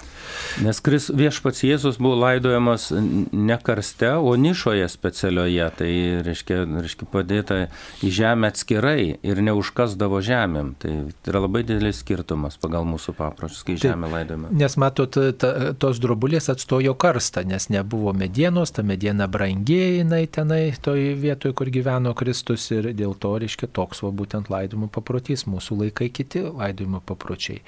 Taip, mums paskambino. Zofija iš Klaipėdos. Taip, Zofija, klauskite. Garbėjai, Jėzus Kristus. Per amžius. sakykit, aš norėjau paklausti, mano vyras mirė ligoniniai, bet, nu, ne nuo koronos, bet mirė per tą pandemiją pirmąją. Ir Amžinatilsi. nebuvo galima įeiti, nei žodžiais mirė, nu, be išpažinties, o tai labai didelė nuodėmė. Gal aš, kad, nu, nu, aišku, aš jį laidavau kaip kataliką, viskas, nu, O jis- su viskuo. O bet- jis buvo pakrikštytas ir tikintis buvo Jo, gyventi. jo, mes buvom šliubą paėmę. Nu, ačiū Dievui. Tai pagrindinis dalykas šiuo atveju tai jo paties troškimas. Jeigu jisai troško susitaikyti su Dievu, bet išorinės kliūtys neleido, Dievas tikrai papildė visą tai, ko jo širdis troško. Matot, pagal dabar išleistą atlaidų vadovą mirusiajam, jeigu jis gyvenime meldėsi ir tikrai buvo atviras Dievui, mirties valandą suteikiami atlaidai. Tai jeigu žmogus tikrai nebuvo priešingas bažnyčiai, meldėsi, bet negalėjo dėl įvairiausių priežasčių atlikti išpažinti, tai tikrai jisai vat, Dievo maloniai gali iškeliauti. Svarbu, kad, kad žmogus vat, visą gyvenimą ruoštųsi tam momentui. Kitaip sakant, kad mes visada būtume kiek įmanoma malonės būklė, kad netidėtume iš pažinties kaip įmanoma vėliau, bet tikrai Dievui neprieštarautume, nemaištautume prieš viešpatį, bet tiesiog į, į santykį, į dialogą eitume maldoj ir netmestume jo paliktos bendruomenės bažnyčios, kurios nariai esame. Va čia svarbiausias dalykas. Tai ir tada, jeigu nespėsim, nespėsim, tai nebus galimybės, nebus, bet būsim visą gyvenimą tam momentui ruošiasi. O žinot, tikrai yra, vat, pavyzdžiui, pirmojo m, penktadienio tas pamaldumas, pirmojo šeštadienio pamaldumas, tai tikrai, žinokit, stebuklingų istorijų papasakojama, kai žmonės, pavyzdžiui, devynis penktadienius iš eilės atlieka pirmosius mėnesių penktadienius ir šeštadienius praktikuoja, reiškia, lanko bažnyčią, priima komuniją ir meldžia laimingos mirties malonės, kad susitaikytų. Tai tikrai, žinokit, daugybė tokių visokiausių yra liūdėjimų, kad žmonės net ir tokiom neįtikėtinom aplinkybėm, būdami tremty, būdami kažkur lygose, kažkokiuose išvykose, toli, toli nuo bažnyčių, reiškia, sulaukia nei iš jo, nei iš to kunigo, atneša komuniją vat, ir nemiršta be sakramentų. Tokių vat, yra daugybė liūdėjimų. Tai, mm, tai tiesiog verta tą atgaivinti vis dėlto ir, ir, ir tikrai pasinaudoti iš anksto ruošiantis e, iškeliavimu, kitaip sakant, vat, atlikti devynis pirmuosius mėnesių penktadienius, tą pamaldumų tokią tradiciją prieiti komunijos, pelstis į švenčiausią Jėzaus širdį, atlikti išpažinti e, ir prašyti, kad viešpats tikrai padėtų man nugyventi gyvenimą ir susitaikyti su Dievu prieš mirtį, kad nemirčiau su sunkia nuodėme, kai jau bus kitos gyvenimo galbūt aplinkybės. Taip, yra trumpųjų žinučių. Turime klausimą taip, kokios turėtų būti kataliko atostogos. Ar tai turėtų geriau būti piligriminė kelionė, ar tai gali būti tiesiog kupina polsio kelionė užsienyje ar Lietuvoje. Jūsų pasirinkimas. Kunigė, e, broli pranciškonai, kaip jūs atostogaujate? E, Nuo maldų, nuo šventų mišių, nuo, nuo liturginių valandų atostogų nebūna, tad būna atostogos nuo kasdienės rutinos pakeitimo. Tai reiškia tai, ką aš kiekvieną dieną darau, at kokios nors pareigos yra ir jeigu yra, atsiranda tam tikros įtampos, tai pasitraukti iš tos aplinkos ir pabūti kitoje vietoje. Dabar, pavyzdžiui, vienas mano bičiulis e, dirba e, medžio apdirbime ir jisai išvyko savaitę atostogauti. Aš klausiu jo, jisai darbininkas yra, pas kiekvieną dieną dirba prie medžio, sunkiai dirba. Klausiu, kur tu vyksi, sako, vykstu į palendrius, noriu ramiai pabūti, nuo, nuo visų darbų atitrūkti. Tad atostogos kiekvienam atitinkamai pagal širdies pasirinkimą nėra nurodyta kaip. Svarbu, kad neužmirštume, kad nuo maldos atostogų nėra. Taip. Na, kai kiti žmonės, vad, piligriminėse kelionėse nepaprastai atsigauna ir pailsi, gal ir fiziškai pavargsta. Vieni mėgsta aktyvų poilsį, kiti mėgsta tysoti, tiesiog nieko neveikti, žiūrėti į gamtą. Tai čia labai priklauso nuo žmogaus. Svarbu, turbūt svarbiausias dalykas - aplinkos pakeitimas. Va. Aplinkos pakeitimas va, ir, ir tiesiog įspūdžiai, kiti, kiti žmonės, kiti arba tie žmonės, kurie man mėly, ne, su kuriais man mėla būti, su kuriais yra santykis, bendrystė, va, ir su kuriais galiu tiesiog mm, pabūti ir atsipalaiduoti, tiesiog nu, be įtampos galiu bendrauti, kalbėtis ir, Ir čia reikia įsiklausyti savo širdį ir domėtis įvairiais būdais, galų galiai išbandyti kažko, kažką, kas būtų įdomu, žinoma, ne, niekada neprasilenkiant su Dievo įsakymais, ne, kad net ir atostogos, tai nereiškia, kad galiu um, pažeisti Dievo įsakymus. Tai va, taip, mums paskambino. Vytautas iš Vilniaus. Klauskite, Vytautai. E, Garbėjai Per amžius norėjau paklausti tokio klausimo. Kai kada klausom, reiškia, per, per vakarinės laidas, na, švenčiausios sakramento adoracijos, būna taip, kad, na, užimi ir užsnūsti. Ir tai kažkaip tai kyla tokios mintis, kad gal geriau tada iš vis, jeigu jau tokia bėda yra, tai iš vis ne, nejungti to, tos laidos, nes čia matyti yra didelė nuodėmė. Ne, čia jokios nuodėmės nėra, mėlasis. Vienas dalykas, gal esat pavargęs, kitas dalykas, gal esat, reiškia, ir amžiaus tokio žinot, ir visą, kad tą dėmesį sunku išlaikyti. Ir miegoti tai tikrai nėra nuodėmė, ypatingai, kai žmogus yra silpnos veikatos arba, arba garbaus amžiaus užsnūsti besimeldžiant, tai tikrai jūs nei paniekinat, nei jūsų blogos valios nėra nieko. Nu ir nusnaudėt, kaip sako, posmą ir ačiū Dievui. Ir tiesiog ir jūs palisėjot ir viską, bet jūs savęs nekaltinkit, o toliau teskit maldą, tiesiog toliau teskit maldą, žinot, meldėt, snaudėt, tai angelai tikriausiai malda e, jūs lydėjo ir meldėsi už jūs ir tiesiog, na, taip yra, kad mes esam riboti žmonės ir, reiškia, neklausyti visai radio, o, o, o, laukti, kol užmigsiu, tai gal ir neužmigsit visai, tiesiog būsit budrus, bet radijos jau negirdėsit ir, ir maldoj nedalyvausite. Tai, tai būtent praradimas laiko, jeigu nesiklausysite, nors dėl pavojaus užmigti, tai daugybė minučių ir valandų praeis be maldos. Tai todėl tikrai vertinga melstis ir jeigu Dievas duoda tokį saldų užsnūdimą maldos metu, tai reikia dėkoti, tuomet viešpats gydo tave. Žinokit, šventieji irgi turėjo šitą, šitą tokį e, bruožą užmigdavo ir Teresėlė užmigdavo, man atrodo, ir Teresė Vėlietė yra nekarta užsnūdus ilgose maldose, tai jos Dievo e, šitą skirdavo, tikrai nekarta teko apie tai skaityti, sako, Dievui paskiriu ir sako, savo mažumą išgyvenu trapumą ir sako, dar labiau viešpatie apkabinu va, ir tiesiog viešpatie aš tavo tavo dėlinuose ilsiuosi, prie tavo širdies aš ilsiuosi, kaip gera būti su tavimi, ačiū tau Dieve. Nu va ir žinot, ir tokiu būdu mes viešpati šlovinam. Mums parašė žinutę Ką daryti?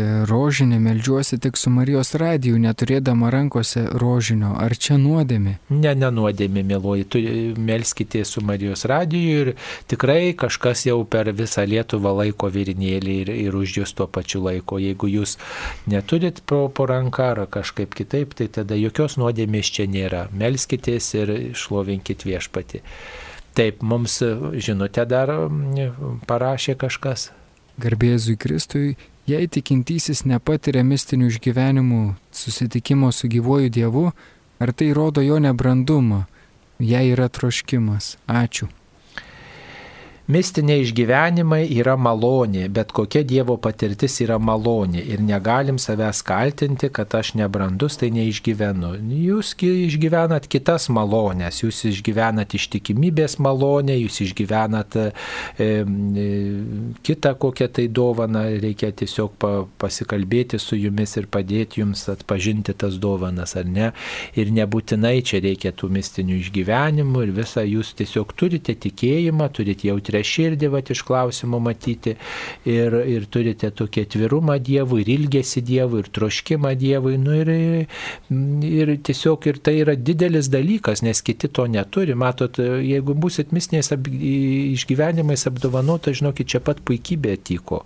Čia pat atiko puikybė jūsų širdį, tai gal geriau neturėti puikybės ir neturėtų mistinių išgyvenimų. Būt nuolankio širdies ir ilgėtės viešpatėva neturiu tavo tokio artumo patyrimo, kaip kiti gal turi, bet aš viešpatė tikiu tave, ilgiuosi, tokį va mažumą išgyvena žmogus. O jeigu kuris regėjo, tai žinokit, tuoj pat ir piktasis prisistato ir pasinaudoja, reiškia, žmogų atitraukti nuo Dievo. Tai negalvokit, kad tie regėtojai ir, ir išgyventojai tų regėjimų jau jie čia yra devintam dangui, jie turi savo iššūkius. Tai atpažinkit dovanas, kurias jums Dievas davė ir dėkokit už tai, ką viešpats turi. Dėkokit už sveikatą, dėkokit už tai, kas elementaru yra, kad galit vandens atsigert, kad duonos turit, kad, kad norit į mišes eiti, kad, kad komuniją priimat, kad Dievo žodį svarstot, kad maldas kalba. Dėkokit Dievui už tai, kad turi tą patraukimą. Va. Tai čia yra malonė, ištikimybės malonė yra brangus dalykas tikėjimo keli. Mums paskambino. Vanda iš Vilniaus. Klauskite. Garbėjus Kristus. Per amžius. Aš labai norėčiau tokį dalyką pasiaiškinti, kokia tai būtų galimybė, kad per šventas mišes būnant, meldžiantis, mes galėtumėm visi e, maldininkai žinoti, kokie kunigo, kaip čia pasakyti, atliekami ten e, nu, nepatogu sakyti darbai, e, būt primintų Kristaus kančią. Kažkada esu girdėjusi, kad kai įeina aukoti mišių, pabučiuoja Dievo stalą, tai reiškia, kad Judas išduoda Kristų ir taip toliau, ir taip toliau. Ar būtų kokia galimybė, ar leidinuką kokį mums turėti, kokį mažą nu, žinutę, ar kai būna transliuojamas mišios ir būna komentuoja mišes, tada pridėtų kokį bent sakinį, ką tai reiškia va dabar, dabar, dabar. Man visada, kai aukojimas būna, kai Dievo kūną pakelia, tada aš įsivaizduoju, kad suprantu, kad tai Kristus keliamas ant kryžiaus ir panašiai. Va, gal Kristų, gal ne taip, bet panašių va tokių sąsajų su Kristaus kančia. Labai norėtų žinoti. Tada mes tikrai visi būtumėm daugiau organizuoti ir, ir, ir daug geriau praeitų, man atrodo, šventos mišos visiems tikintiems. Taip. Anksčiau net būdavo liturginiuose maldynuose paveikslėliai nurodyti, kuri šventų mišių vieta atitinka kokią e, viešpaties Jėzaus gyvenimo akimirką.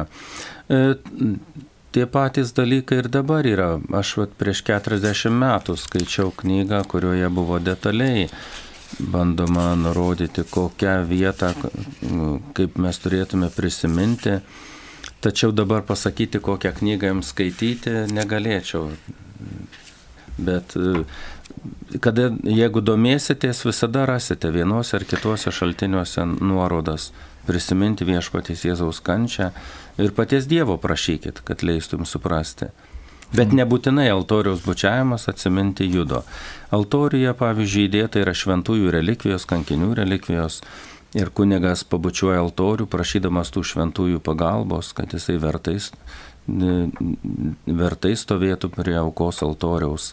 Ir tuo pačiu altorius simbolizuoja patį Kristų E, ir tuo pačiu bučiuoja Kristų dėkodamas jam, kad leisdamas už kunigystės pašaukimą.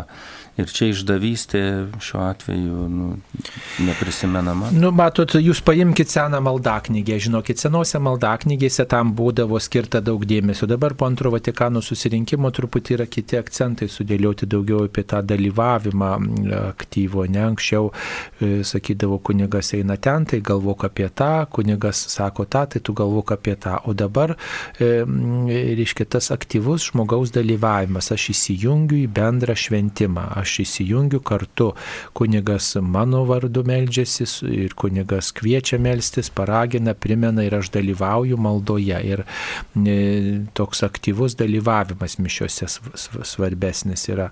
E, taip, ten kai kurie ženklai, jie, jie turi tam tikrą tokią gilesnę prasme, e, tai tiesiog gali gelbėti senos maldaknygės, juose praturtins, praplės jūsų tą mišių supratimą. Aišku, galbūt tokio paaiškinimo apie šventasias mišes reikėtų, lankstinukų daugiau, kažkokiu kitų požiūrių gal paaiškinti mišes tas padėtų, bet daug dabar ir literatūros yra, knygų yra visokiausių išleista, ne dabar greitosiomis neprisimenu, pastaruoju metu gal jau ir anksčiau čia buvo išleista tokių visokių knygelių katalikų leidinėliuose galima rasti dar ir užsilikusių nuo senesnių laikų apie šventų mišių prasme, ženklus ir, ir įvairius tuos gestus. Taip, mums parašė žinutę. Ar grigališkasias šventasias mišes 30 dienų išėlės galima užsakyti dar gyvam esant? Negyvam nėra tokios tradicijos melstis o tik tai užmirusius medžius? Ne, ne, gyvam esant užsakyti galima, pavyzdžiui, aš gyvas būdamas palieku pinigų ir prašau kunigą, kai aš numirsiu, už mane aukoti. A, tai jeigu taip. tokia prasme jūs klausat, tai tikrai galima gyvam esant užsakyti, bet aukojamosios tik tai mirus.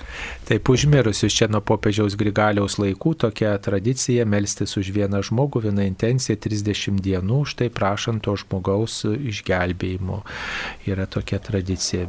Tai čia reikėtų kreiptis į tuos kunigus, kurie neturi intencijų, įsipareigojimų, va, į vienuolyjose ar taip ieškoti kunigo, kad ir ne parapijoje dirbančių, paprastai tokie kunigai prisima tokį įsipareigojimą melstis 30 dienų. Bet užmirusi žmogų. Taip, dar žinučių turime. Mano močiutė mirus prieš 80 metų. Ar reikia užsakyti mišes? Dėkui iš atsakymą. Nu, matot, jūs prisimenat savo močiutę, prisimenat savo senelius, visą giminę, sakyčiau, kartą per metus tikrai reikėtų užsakyti už savo giminę ar, arba ir dažniau galima užsakyti. Tai nereiškia, kad ta močiutė e, tenais dar jinai kažkaip neišvaduota ar panašiai, bet tai yra meilės gestas e, močiutėjai, tai yra malda, jūsų malda, jūsų dalyvavimas mišiuose, proga pamastyti ir jums apie savo santyki su močiute, apie, apie Dievą, prisidėjimas prie bažnyčios gyvavimo, dalyvavimas bažnyčios veikloje, yra proga galbūt aplankyti ir kapinės, aplankyti artimuosius, kurie dar gyvena. Nu, tai yra daug visokiausių aspektų, supranta, tai yra vis dėlto santykio ugdymas, kad ir daugybę metų žmogus iškeliavęs, bet jį prisimenu, tai kartu ir pats melžiuosi.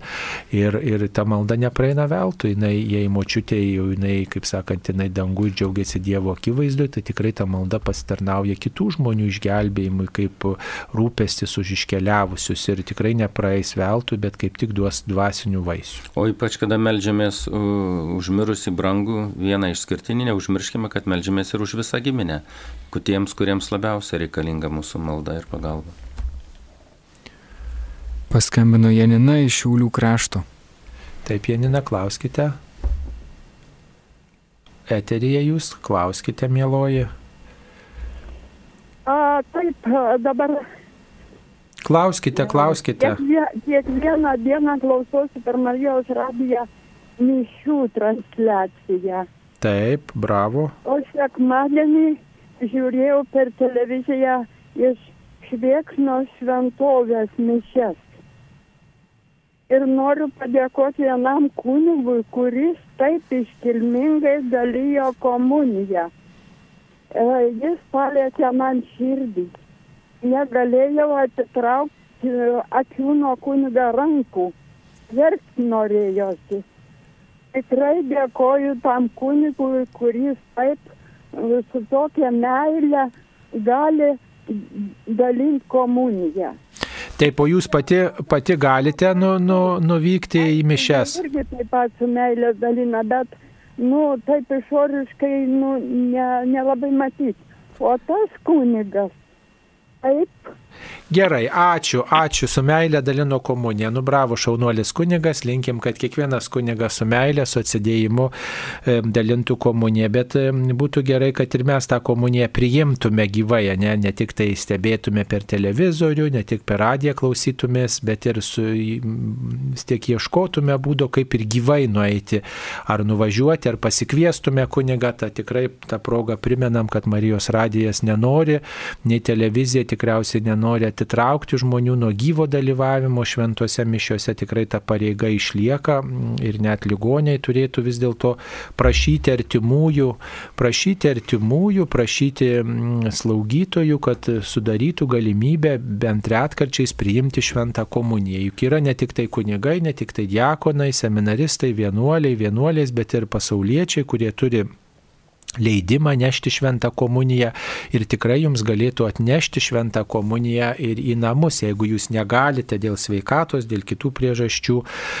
atvykti į šventasias mišes. Tikrai ne, neapsiribokim tuo sėdėjimu prie televizorių ir grožėjimusi, kaip čia gražiai dalinama komunija, bet ir patys tą komuniją turim priimti, patys priimti tą komuniją ir ieškokim būdo.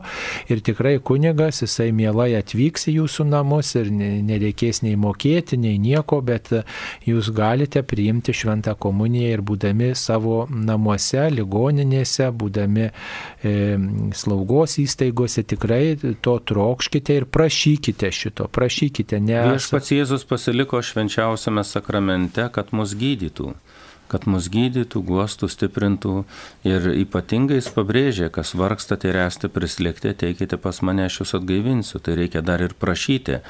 Kada mes einame iš pažinties, mums atleidžia mūsų nuodėmės, bet yra be galo daug e, sužeidimų, kurie man netrokštant jokios nuodėmiai dalyvavimo, bet mane skriaudžia, manęs nesupranta, e, man, man nemylė, nepakankamai myli, arba įvyksta ne, daugybė įvairiausių nesusipratimų. Ir tie visi dalykai per išpažinti nesakome, o viešpats Jėzus laukia švenčiausiame sakramente, kad mus išgydytų. Todėl reikia neužmiršti, kad ne tik komuniją reikia priimti, bet ir trokšti viešpaties gydimo. Mes esame viešpaties Jėzaus žaizdomis išgydyti. Ir tas prisilietimas prie jo kaip tik didžiausia dovana mums. Taip, jūs girdite Marijos radiją, čia laida Klausk drąsiai. Monika iš Vilniaus. Taip, Monika. Gal klauskite. galite pasakyti, ar žolinių metu pašventintas vaistažolių puokštės reikia laikyti iki kitų žolinių, ar galima suvartoti? Dėkoju už atsakymą. Nu, ką reiškia suvartoti? Jeigu tai, pavyzdžiui, vaistažolės, tai galima įsivirti arbatos ir labai iškilmingai, gražiai išgerti namuose. Jeigu tai yra taip po gėlių plokštelė, tai jinai savo gražiai atrodo pamerkta, sudžiūvusi, jeigu tiesiog jums nekelia tokio e, dulkės renka ir ten išbirėjo viskas, tai galima pagarbiai sudeginti. Bet nieks neįpareigoja mus e, žolinių žolelės pašventintas laikyti visus metus.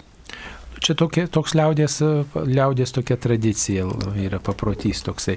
Tarp kitko žolinio puokštę įprasta būdavo senais laikais įdėti mirusiam žmogui į, į pagalbę, reiškia po galvą padėti. Tai prisimenant, kad mergelė Marija buvo e, tiesiog po mirties palaidota, bet kartu po kiek laiko paštalai rado tik gėlės. Toks, toks yra pasakojimas, tai žodžiu ir toks liaudės paprotys yra šitą žolinių plokštę įdėti mirusiam žmogui, kai jis yra laidojamas. Tai va to linkint prisikėlimo, linkint dalyvavimo dangui toks maldingas gestas. Mano močiutė tai asmeniškai žolinių žolelės rinko kiekvieną kartą ir darė pagalvį vieni žolių.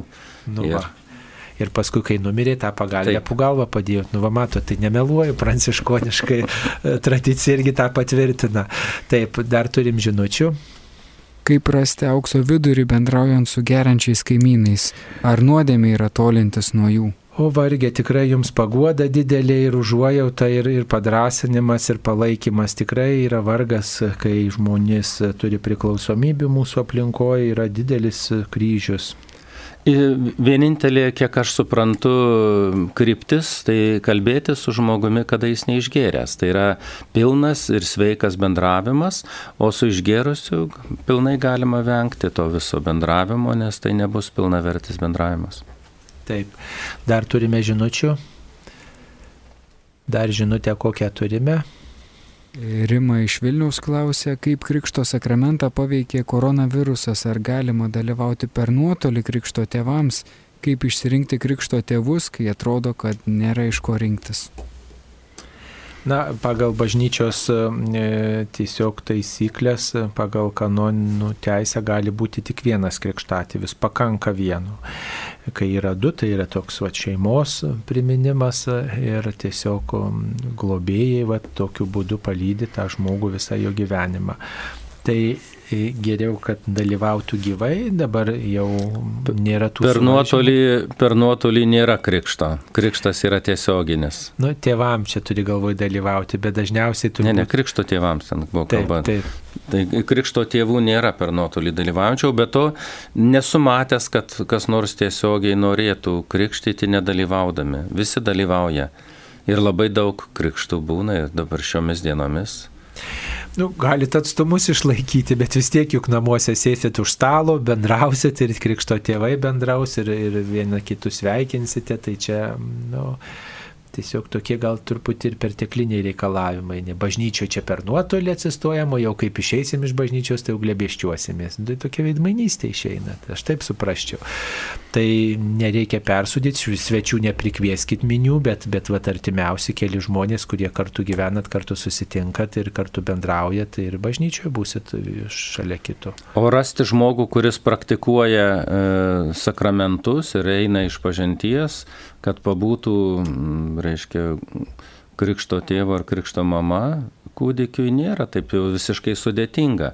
Jeigu ben, e, lankome bažnyčią, visada galime rasti pamaldžių žmonių ir juos pasikviesti. Taip, nebūtina iš giminės kviesti, galima ir iš bendruomenės. Tai tiesiog klauskit tikinčių žmonių ir patys norėkit būti aktyvesniais bendruomenės nariais. Mums paskambino. Aldona iš Vilnius. Taip, Aldona klausia. Kalbėti į eterį? Taip, galite į eterį. A, ne, aš sakau, gal ir negal, nereikia kalbėti eterį, jūs man paaiškinot. Taip, gerai, supratau, supratau. Supratot? Gerai, ačiū, ačiū. Dabar gal turime žinučių daugiau. Anastazija iš Vilniaus rašo, vyro mama kišasi į mūsų šeimą. Esam santokoje septynis metus. Kaip atlaikyti ir neišsiskirti? Šiuo atveju pirmiausia prisiminkime šventą raštą. Šventajame rašte viešpats Jėzus labai aiškiai pabrėžęs, vyras paliks tėvą ir motiną ir glausis prie žmonos. Tai reiškia, tiek vieno, tiek kito tėvai neturėtų kištis į, į šeimos gyvenimą, o jeigu ir bendrauja, tai bendrauti kartu su abiem ir klausti pasiūlymo, reiškia, turi būti sprendimas jaunosios šeimos jų pačių, ne kitų. Ir šiuo atveju va, e, užjaučiu jūs, jeigu reikia gyventi tame pačiame name. Bet jeigu negyvena tam pačiam name, tai pilnai galite viską suderinti. Tiesiog tarpusavį sutarkite, kaip elgsitės. Jūsų nuoširdus bendravimas turėtų būti esminis. Taip, ačiū. Mm, dar mums paskambino. Elena iš Vilniaus. Elena, klauskite. Per amžius. Ar vaiko krikštui reikia duoti kitą vardą, nei civiliai užregistruotas? Pavyzdžiui, Monika. Jeigu turi Monikos vardą, nereikia kito duoti, nes Monika yra ir šventas vardas ir pakanka. Paprastai kitą vardą duoda, jeigu būna e, duodamas ne, ne šventojo kokio nors vardas, nes dabar labai daug visokių originalių vardų, tiesiog net ir ištarti kartais sunku, pirmą kartą girdimų tokių pasitaiko, tai m, e, galima tokiais atvejais pasiūlyti, kad e, tėvai ir krikštatėviai parinktų kokį nors šventąjį tam Taip, vaikui. Bažnyčios bažnyčios įstatymuose yra paminėta konkrečiai, kad tiek klebonas, tiek tėvai e, rūpintųsi e, parinkti vaikui krikščionišką vardą ir tuo pačiu, kad turėtų šventai globėjai, kurį nuolat melstusi. Ir šventojo vardą reikėtų rinkti ne pagal skambesį, bet pagal gyvenimą, skaitant šventojų gyvenimą ir turint savo širdyje dvasinį ryšį. O jeigu vardas yra šventojo parengtas jau, kurį oficialiai užregistravo anksčiau, tai pilnai užtenka vieno. Na ir turbūt reikėtų palaikyti tokią labai seną tradiciją, kad e, parenkamas žmogui tas vardas, e, kurią tą dieną, tos, dien, nuo tos dienos šventojo vardas parenkamas, kurią tas žmogus gimė. Reiškia, jeigu vieną dieną gimė kažkuria, tai kiekvieną dieną minimas kažkoks šventasis ir yra tokia tradicija, kad va, tas vardas ir suteikiamas tam žmogui, nes nuo to ir pradėta švęsti gimimo dieną. Ne gimimo diena pradėta buvo švenčiama iš pradžių, bet savo globėjo diena švenčiama. Ir, ir paskui tik tai va, su tuo gimimu buvo susijęs tas šventimas. O šiaip tai mes turėtume švęsti savo globėjo dieną, kuri, kuri, mm, kuris mus globoja ir vat, jeigu tą dieną gimėm, vat, tokį vardą, kaip sakoma, atsinešam į gyvenimą, nes tą dieną minimas kažkoks šventasis. Vėliau, Bet būna tokiu atveju, kaip pavyzdžiui šventas Jurgis e, arba šventas Antanas ir Antaninos ir Jurgitos šventos nėra. Bet tuomet galima duoti Jurgitos vardą ar Antaninos, o globėjas vis dėlto yra vyras. Taip. Šventas Antanas ar Jurgis. Nu, o jeigu tą dieną, pavyzdžiui, nesurandat arba jums netinka tas globėjas, tai tada galima žiūrėti gretimą dieną, dieną prieš dieną po. Va, taip žmonės nuo seno elgdavosi, tokia tradicija buvo ir, sakyčiau, ji labai logiška ir palaikytina. Tuomet žmogus žino, ką švenčia ne tik savo gimtadienį, bet švenčia savo globėjo dieną. Savo globėją jisai pažįsta ir domisi to globėjo istorija, gyvenimo kryptim. Taip, turime žinučių. Bernardai iš Vilniaus klausė, kaip teisingai pašventinti ikoną. Kreipkitės į kunigą, bet kuris kunigas jums pašventins tą ikoną ir tiesiog um, galėsit prie jos melstis. Kiekvienas kunigas turi maldą, yra dabar naujasis apieigynas, kuriame tos maldos surašytos ir kunigas tikrai gali tą padaryti. Jeigu nepasitikit kunigu, kreipkitės į kokį kunigą vienuolį, na va, kurie tikrai ir, ir, ir patys dažnai tapo piešę tas ikonas ir žodžiu tikrai supras ir, ir pašventins įgyventins jums. Mums paskambino. Regina iš Vilniaus. Klauskite, Regina. Garbėjus Kristus. Per amžius. Tas klausimas, apie tai nuvyksta labai dažnai apie radio adoracijos švenčiausio sakramentą. Bet žinot, kokia būsina atsiklaupti, sėdėti ar atsigulti, galim tik, kad sveikata kitą kartą nelabai leidžia. Ar čia nuodėmė atsigulom, būtina atsiklaupti, ar vis ar sėdint, sėdint vyksta labai ilgai. Na tai aišku, kad jūs ne, neišklupėsite, ne bažnyčiui nelabai įmanoma išklupėti, kad ten namuose dar sergančiam žmogui, kai nėra tenai nei to sąlygų, kaip atsiklaupti, nei ką. Tai tiesiog jūs elkitės taip, kaip jums patogu. Čia yra tikslas pasimelsti, pristatyti jums tą maldą ir tiesiog įtraukti jūs į tą maldą, jūs taip pat pa, pa, paskatinti, paraginti, atmelstis tuo metu. Tai yra gyva malda transliuojama, žinote, ir jūs pagal savo sveikatą orientuokitės. Galbūt kažkiek ir galite atsiklaupti, pasimelsti, vat, pabūti kažkiek, pamatėt, kad skauda kelius, nusibodo, atsisėskit, pavaikščiokit ar atsigulus pabūkite. Nu ir va, toj nuotaikoje būkite. Tiesiog jūs esat tiesiog kaip tiltas, tilto tokią patirtį turite, reiškia, vat, į jūsų namus nutiesiamas tiltas iš to šventovės, iš kurios vyksta transliacija dažniausiai per atlaidus, dažniausiai tam tikra proga būna kažkokia, ar mažieji atlaidai atlaidai, ar, ar kažkokia sukaktis, ar dar kažką, žmonės gyvai meldžiasi pasikeisdami, o jūs kiek gali, tiek sekite. O pa, nėra paniekinimo, jeigu jūs atsigulsite, svarbiausia jūsų intencija garbinti Dievą. Tai ir jokios nuodėmės to nėra, kad jeigu dėl sveikatos atsigulsite, juk ne, daugybė ligonių dalyvauja šventose mišiuose, kad ir liurdė ir kitur, atvežti vežimėliuose ir jie negali atsiklaupti ir čia jokio išniekinimo tame nėra. Jeigu jūs širdimi norėtumėte išniekyti, tada būtų bėda. O jūsų troškimas būti maldoje ir garbinti tikrai ten netima jums ramybės. Mėly klausytojai, net ir šventieji, daugybė šventųjų, pavyzdžiui, prisimenu dabar šventą Ignacą, kuris gulėdama šlovino viešpati, nebūdamas nei ligonis, nei dar kažkas. Nu tiesa buvo e, koja susilaužęs, bet ir net ir sugyjęs jisai gulėdavo ir sakydavo, šlovinu dabar viešpati, Dieve būk pagarbintas ir melzdavosi paprasčiausiai gulėdamas lovoje, pievoje. Ir tai va tokiu būdu, na irgi išgyveno viešpaties artumą. Tai va tą reikia visiems jums prisiminti, kurie ir dėl sveikatos negalite kitaip melstis, kad ir šventieji šlovino viešpati gulėdami, kai buvo tokių gyvenime etapų. Taip, mums e, žinučių dar yra. Ar visi būsime prikelti?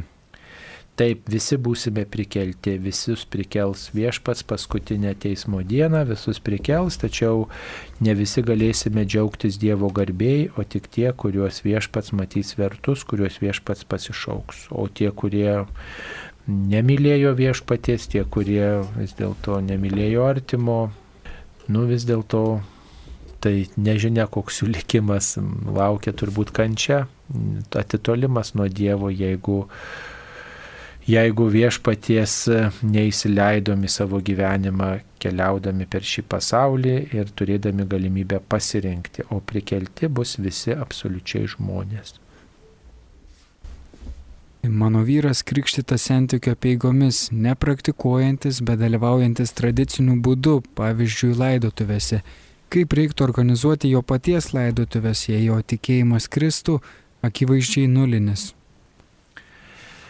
Nu tai reikėtų su juo pačiu aptarti, netiesa, su juo pačiu pasikalbėti, kaip jisai vis dėlto mato savo, savo, savo gyvenimą. Vienas dalykas, ko jisai pageidautų, iš to turbūt kiltų galbūt, jeigu tu nori pageidauti tokių apieigų, ten santykių bažnyčio ar katalikų bažnyčio, nu, tai tu gal ir, kaip sako, pajudink pirščiuką, gal ir tu pagalvok, ar nereikėtų pasidomėti daugiau tuo tikėjimu, nereikėtų daugiau praktikos įsileisti savo istoriją.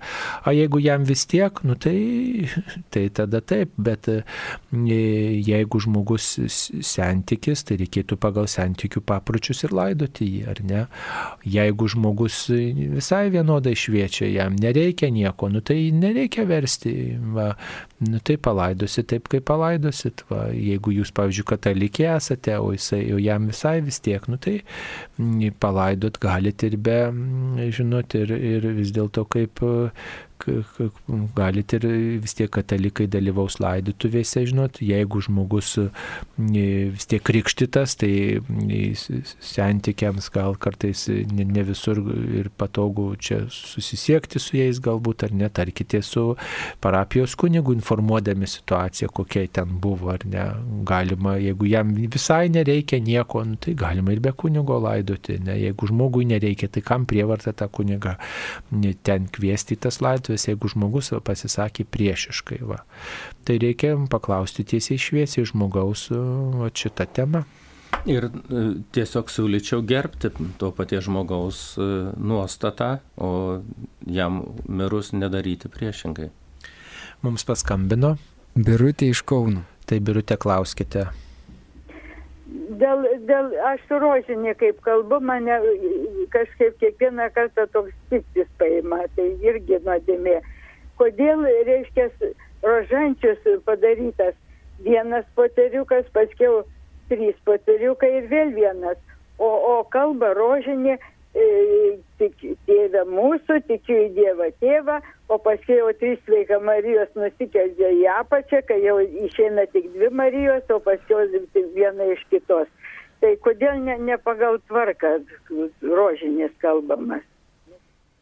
Yra bažnyčios E, paskelbta tvarka rožinio kalbėjime, visą tai galite rasti bet kurioje maldaknygėje ir e, ją naudotis. O jeigu jūs turite karoliukus kažkaip jums netinkamai e, susektus, tai nepykite ant to rožinio, o tiesiog pasimkite maldaknygę ir ją naudokitės ir Dieve laimink.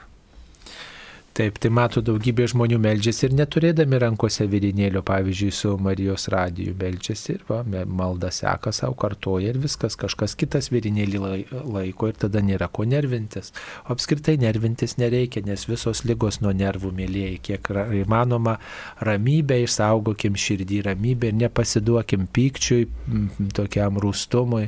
Ar verta dėl to nervintis? Svarbiausia, kad jūs melžiatės, tai svarbiausia, žinokit, va, Tai viešpats įvertina. Dar žinučių turime? Turime. Klausytojas sveikina visus su Švento Augustino e, minėjimu ir klausia, kaip Šventasis Augustinas rado save tikėjime. Nu, motina meldėsi daugybę metų, kaip žinom istorijoje, ir jisai vis dėlto kažkaip atrado, klausydamas iš Švento Ambrazėjaus pamokslų, kažkaip užklydo į Milano, atrodo, katedrą. Ir vadinasi, išgirdo Ambraziejus pamokslavo, štai klausėsi jo ir jam labai tas įstrigo, tas jo skelbiamas žodis. Ir tada atrado Kristų, priėmė Kristų. Va.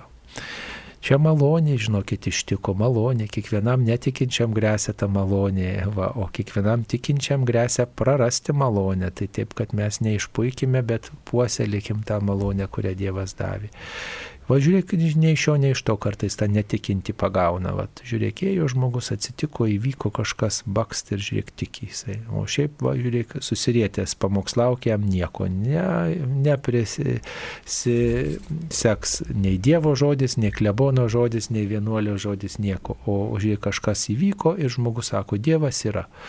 Tai čia va, ta paslaptis, ar ne ta paslaptis, kada ta malonė Dievo dovana mus pagauna žinučių dar duokite.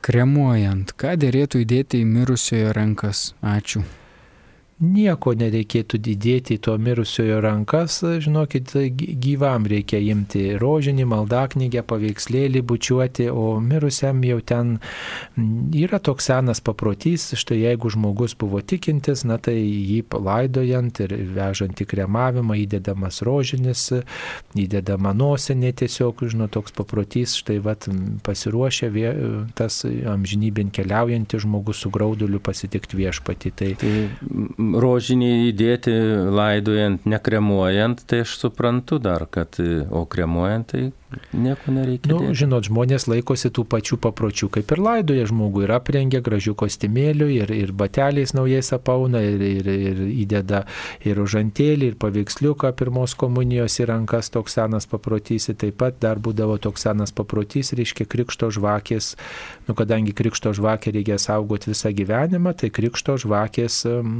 dalelė arba grabnyčių žvakės dalelė, reiškia toks ženklas, kad su tikėjimu žmogus pasitinka viešpatį viešpatį su tikėjimo ženklu, va, ta krikšto žvakė arba grabnyčių žvakės dalelė. Čia toks senas paprotys yra. O žinot, kartais tos firmos sako, nieko nedėkit, nes nedega. ir, ir ką tu dabar pasakysi, nu tai žmonės tada sako, arba neįdėjom, arba neleido įdėti, arba pamiršom įdėti, nu tai tada įdeda ant turnos ten rožinį. Bet čia yra tokie, žinot, tradicijos, papročiai, mm, kurie, nu tarsi mus susaisto, suriša. Daugiau rožinį griebkim į rankas, kol gyvi esam. Va. Kol gyvi esam, kol žmogus merdi, miršta, šalia jo melsti, su juo melsti melstis kartu. Tai va ši čia vertingiau būtų, negu kad ten mirusi apdėti visokiais daiktais. Tai yra nu, tokie tikėjimą išreiškiantis dalykai, bet jie turi būti svarbus ir tam, kuris laidojamas, kol jis gyvas buvo. Jeigu popiežius pakliuvo avarijon ir be sakramentų mirė, o kūdikis be krikšto mirė, ar jie bus pragaro tamsoj? O jau čia prasideda, žinokit, tokia sofistika. Kas bus, jei bus? Nu tai Dieve, kūdikis nebus pragaro tamsoji, kūdikis e, Dievo malonė bus išgelbėtas, vad, bet atsakomybė imasi jo artimieji. Ar, jis, ar jie, pavyzdžiui, sakykime, norėjo krikštyti tą vaikelį ar ne, su kokia nuostata jie gyveno. O šiaip jau nesijaudinkite dėl to kūdikio, jisai danguje bus. O popiežius... Aš galėčiau papasakoti savo asmeninį išgyvenimą. Vieš, e, viešpats e, man vieną kartą prieš 40 metų beveik e, pakvietė, tiesiog pajutau širdimi eiti į lauką ir e, atėjau prie moteriškės, kuris stumdė laukia vežimėlį. Ir e, jos paprašiau, kad leistų man pakrikštyti jos sūnų. Ir jinai pasakė konkrečiai, kad nenori krikštyti ir nekrikštys, neturi pinigų šventijai, O aš kviečiau pakrikštyti, kad leistų man jį pakrikštyti. Ir griežtai atsisakė, kad pasitraukčiau ir nekrikštys. Ir tuomet po to, po e, mėnesio laiko jinai atėjo prašyti, kad palaidočiau tą sūnų. Tai vad šiuo atveju yra konkretus atsisakymas krikštyti. Tai yra visiškai skirtingas dalykas, o bažnyčia net turi apeigas nespėto pakrikštyti. Pavyzdžiui, tėvai norėjo pakrikštyti, bet nespėjo pakrikštyti kūdikio. Ir yra su bažnyčia laidojami tokie vaikeliai, kurie nespėta pakrikštyti. Todėl labai daug reiškia tėvų valia troškimas ir panašiai. Todėl e, galutinį sprendimą daro Dievas, ne mes, todėl neusi, neusiciklinkim ant savo sprendimų. Svarbiausia rūpinti savo išganimu, ne popiežiaus ar ten dar kažkieno kito. Va. Melskimės už popiežių, už visus melskimės, bet žiūrėkit, kad patys e, dėl puikybės e, dar galim užstrikti dangaus priengios. Taip, e, mums paskambino. Birutė iš Kauno. Tai Birutė, klauskite. Gerbėzui Kristui. Per amžius. Norėjau paklausti, aš nesuprantu, kaip tie, kaip, kaip per mišęs, jau senas žmogus, per mišęs, kaip, kaip kalba kunigas, kad pasirodė dangus ženklas ir pasakoja nugrinai apie Mariją. Ir paskiau antras ženklas apie Slibiną ir kai norėjo vaiką praryti. Ir, ir, ir gimos kūdikio atidavė, reiškia, į, į, per viešpatį atiduotas, o jinai pabėgo tenais, kur jai paskirta vieta buvo. Tai kaip čia suprasti, juk mes visas tas tikėjimas tada nubraukiamas. Jūs čia komentuojate prieškimo knygos ištrauką kuri skaitoma įvairiopai. Viena vertus tai taikoma bažnyčiai, kuri persekiojama, skriaudžiama, niekinama ir kuri vis dėlto patiria Dievo ypatingą saugojimą, globą. Kita vertus, čia perskaitome taip pat ir užuominą į mergelę Mariją, kuri taip pat tiesiog turėjo bėgti į, į į, į taip sakant, į saugesnį prieglopstį, nes jos kūdikį Jėzų norėjo nužudyti. Tai tiesiog toksai toks perspėjimas apie grėsinčius mūsų tikėjimui pavojus, kuriuos patyrė Jėzus, patyrė jo aplinka, patyrė visa bažnyčia. Vat ir taip reikia tą ir suprasti, kad e, Marija patyrė persekiojimus, Jėzus patyrė skriaudą, bažnyčia patyrė skriaudą, mes patyrėm skriaudą ir, žodžiu, reikia išlaikyti ištikimybę Dievui ir prašyti tų šventųjų globos užtarimo, kad gyvenimo ir tikėjimo kelionėje mes nuo viešpaties nenutoltume. Va taip trumpai pakomentuotume. Lilė iš palangos rašo, kalbėdama Marijos mazgų išrišimo noveną, supratau, kad nesu atleidusi savo tėvui. Jis visą gyvenimą gėrė, dar yra gyvas, bet beveik nėra ryšio ir nebendraujame. Kaip atleisti, kaip bendrauti, supratau, kad tas netleidimas yra daugelio mano dabartinių konfliktinių situacijų šaknis. Atleidimo dovana yra pirmiausia Dievo duodama mums asmeniškai, kada prašome Dievo malonės ir kaip atpažinti atleidimą savo širdyje. Jeigu žmogus šaukėsi pagalbos mano konkretaus patarnavimo ir aš nenusigražinu jo, tai tikrai yra širdį atleista. O jeigu yra nuoskauda, tai tą nuoskaudą tik tai Dievas gali išgydyti. Todėl jeigu jūs iš tikrųjų galite ramiai ištarti žodžius dėl Dievo meilės visiems atleidžiu, Tai atleidimo malonė jūsų širdyje yra. Ir atskirkite tą, e, reiškia, sužeidimą, skausmą ir patį atleidimą. Nes jeigu jūs širdyje jaučiate skausmą dėl buvusio netinkamo bendravimo, dėl įvairių skriaudų, tai dar nereiškia, kad tai yra netleidimas netleidimas yra konkretus nu, priešiškumas tam pačiam žmogui. Bendrauti tiesiogiai griežtai nėra įsakyta, reikalinga pagarba ir pagalba tiek, kiek reikalinga tam žmogui, nuo jo nenusigrėžiant. O išgyjimo malonės turėtumėte prašyti kiekvieną kartą, kai priimat komuniją, kad išgydytų ir tos pasiekmės, kurios, sakot, jūsų gyvenimą liečia, pasikeistų. Tikrai, kada viešpats išgydo, lengviau gyventi. Taip, dar žinučių turime. Mums paskambino Danutė iš Kaišėdorių. Taip, Danutė, klauskite. Per, per, per amžius. norėjau paklausti, kur dėti kančias nuo, nuo supuvusių kryžių, pavyzdžiui, arba jau susidėvėjusio rožinio. Nuneškite į bažnyčią savo parapijos klebono ir jis suras, kur padėti. Arba sudeginti galima, arba saugiai užkasti, arba galima mm. perdirbti. Taip, dar turime žinučių. Ar dabar privaloma kunigui dezinfekuoti rankas ir užsidėti kaukę prieš pradedant dalinti šventąją komuniją? Dėkoju. Tikrai nepakenks. Nepakenks nei rankų dezinfekavimas, nei kaukiais dėvėjimas tikrai nepakenks, dalinant ir komuniją, ir susitinkant su žmonėm. Taip, toliau. Garbėsiu Kristui. Anksčiau buvau švelnesnė, bet dabar turiu daug skausmų, turiu invalidumą, būnu nuolat pervargusi ir tapau aštresnė, neturiu kantrybės būti švelni ir gera. Ar toks irzlumas ir piktumas yra nuodėmė? Nu, ne, ne, ne, gal jeigu jūsų sąžinė slegia, galite tą tiesiog išpažinti, šitą nuo to atsižadėti, tačiau, žinot, ir, ir mūsų sveikata, ir charakteris, ir nuovargis taip pat tą irzlumą didina, bet jeigu tai suprantate, visada galime ugdyti kantrybę, melstį ramybės ir tiesiog sulaikyti piktesnį žodį ir dar su humoru pasižiūrėti į daugelį tų visokių situacijų. Tai mm, jau dėl to tikrai nesikrimskite. Ar yra Lietuvoje kokioje nors bažnyčioje kolumbariumas? Tai kolumbariumas yra ta vieta, kurioje, kurioje saugomos urnos žmonių. Tai praktiškai dabar kiekvienose naujose kapinėse yra tie kolumbariumai šio laikiški. Bet jeigu kalbam apie senus kolumbariumus, kur pavyzdžiui yra saugojami palaidoti žmonės su, su, karstais palaidoti, tai tokių yra ir senų palaidojimų yra su kapinėse ir Vilniuje. Ir taip pat yra Ir bažnyčiose, bažnyčiose yra nemažai kriptų senų laikų, bet dabar bažnyčiose nelaitojama. Taip, mums paskambino.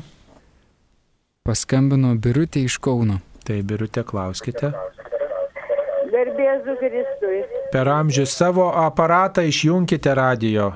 Išjungiau. Gerai. Norėjau paklausti turiu didelį paveikslą, Jėzaus Kristaus, Jėzaus širdies paveikslą. Ir visą laiką, visą gyvenimą melžiausi kaip į Kristų. O dabar vis, visiškai susikvailydau, nes kažkaip tai paaiškino kunigas, kad, kad Kristus mokė tą maldą tėvę mūsų į, die, į dangišką tėvą. Tai aš dabar medžiuosi ir nesuprantu, į ką aš medžiuosi. Ar aš į dangišką tėvą medžiuosi, ar aš į Jėzų Kristų medžiuosi. Mes melžiamės kalbėdami tėvę mūsų kartu su Kristumi, kartu su Kristumi jau pamokytai žodžiais į dangišką į tėvą. Tai jūs nepergyvenkit, melžiatės žiūrėdama į Kristaus paveikslą, melzdamais į dangišką į tėvą, tai reiškia jūs kartu su Kristu melžiatės į tėvą. Kristus su jumise melžiasi ir, ir jūs taip šlovinat Dievą. Tikrai čia nėra jokios, jokios nei klaidos, nei nieko, bet mes, mūsų malda nėra, kad aš ir, ir jis ir kitas, bet yra daugybė žmonių. Tos maldos išmokė kas? Jėzus, nu tai reiškia, jis kartu su mumis meldžiasi, jis nu, tą maldą nuneša tėvui, va, ir, ir vienybėje su juo pasiliekam. Šitą maldą meldėsi daugybė šventųjų ir su jais kartu meldžiamės tą maldą. Tai tiesiog jūs melskitės į tėvą, Jeigu jums patogiau, visada prisiminkit Kristų, kuris tos maldos išmokė ir tiesiog žinokit, kad kai melžiatės tėvę mūsų, Kristus yra su jumis ir jūs su juo drauge tėvui tą meldži, maldą melžiatės. O be to visuomet, kreipdamiesi į dangišką tėvą, ar Jėzų, ar į šventąją dvasę, mes vis, visada garbiname švenčiausią trejybę, visus tris asmenis, nors minime kartais tik vieną. Taip, dar turime žinučių. Na tai ką, mūsų laida eina į pabaigą. Ačiū labai kunigui pranciškonui Antanui Grabnickui, kuris šiuo metu darbuojasi Švento Jurgio bažnyčioje Kaune.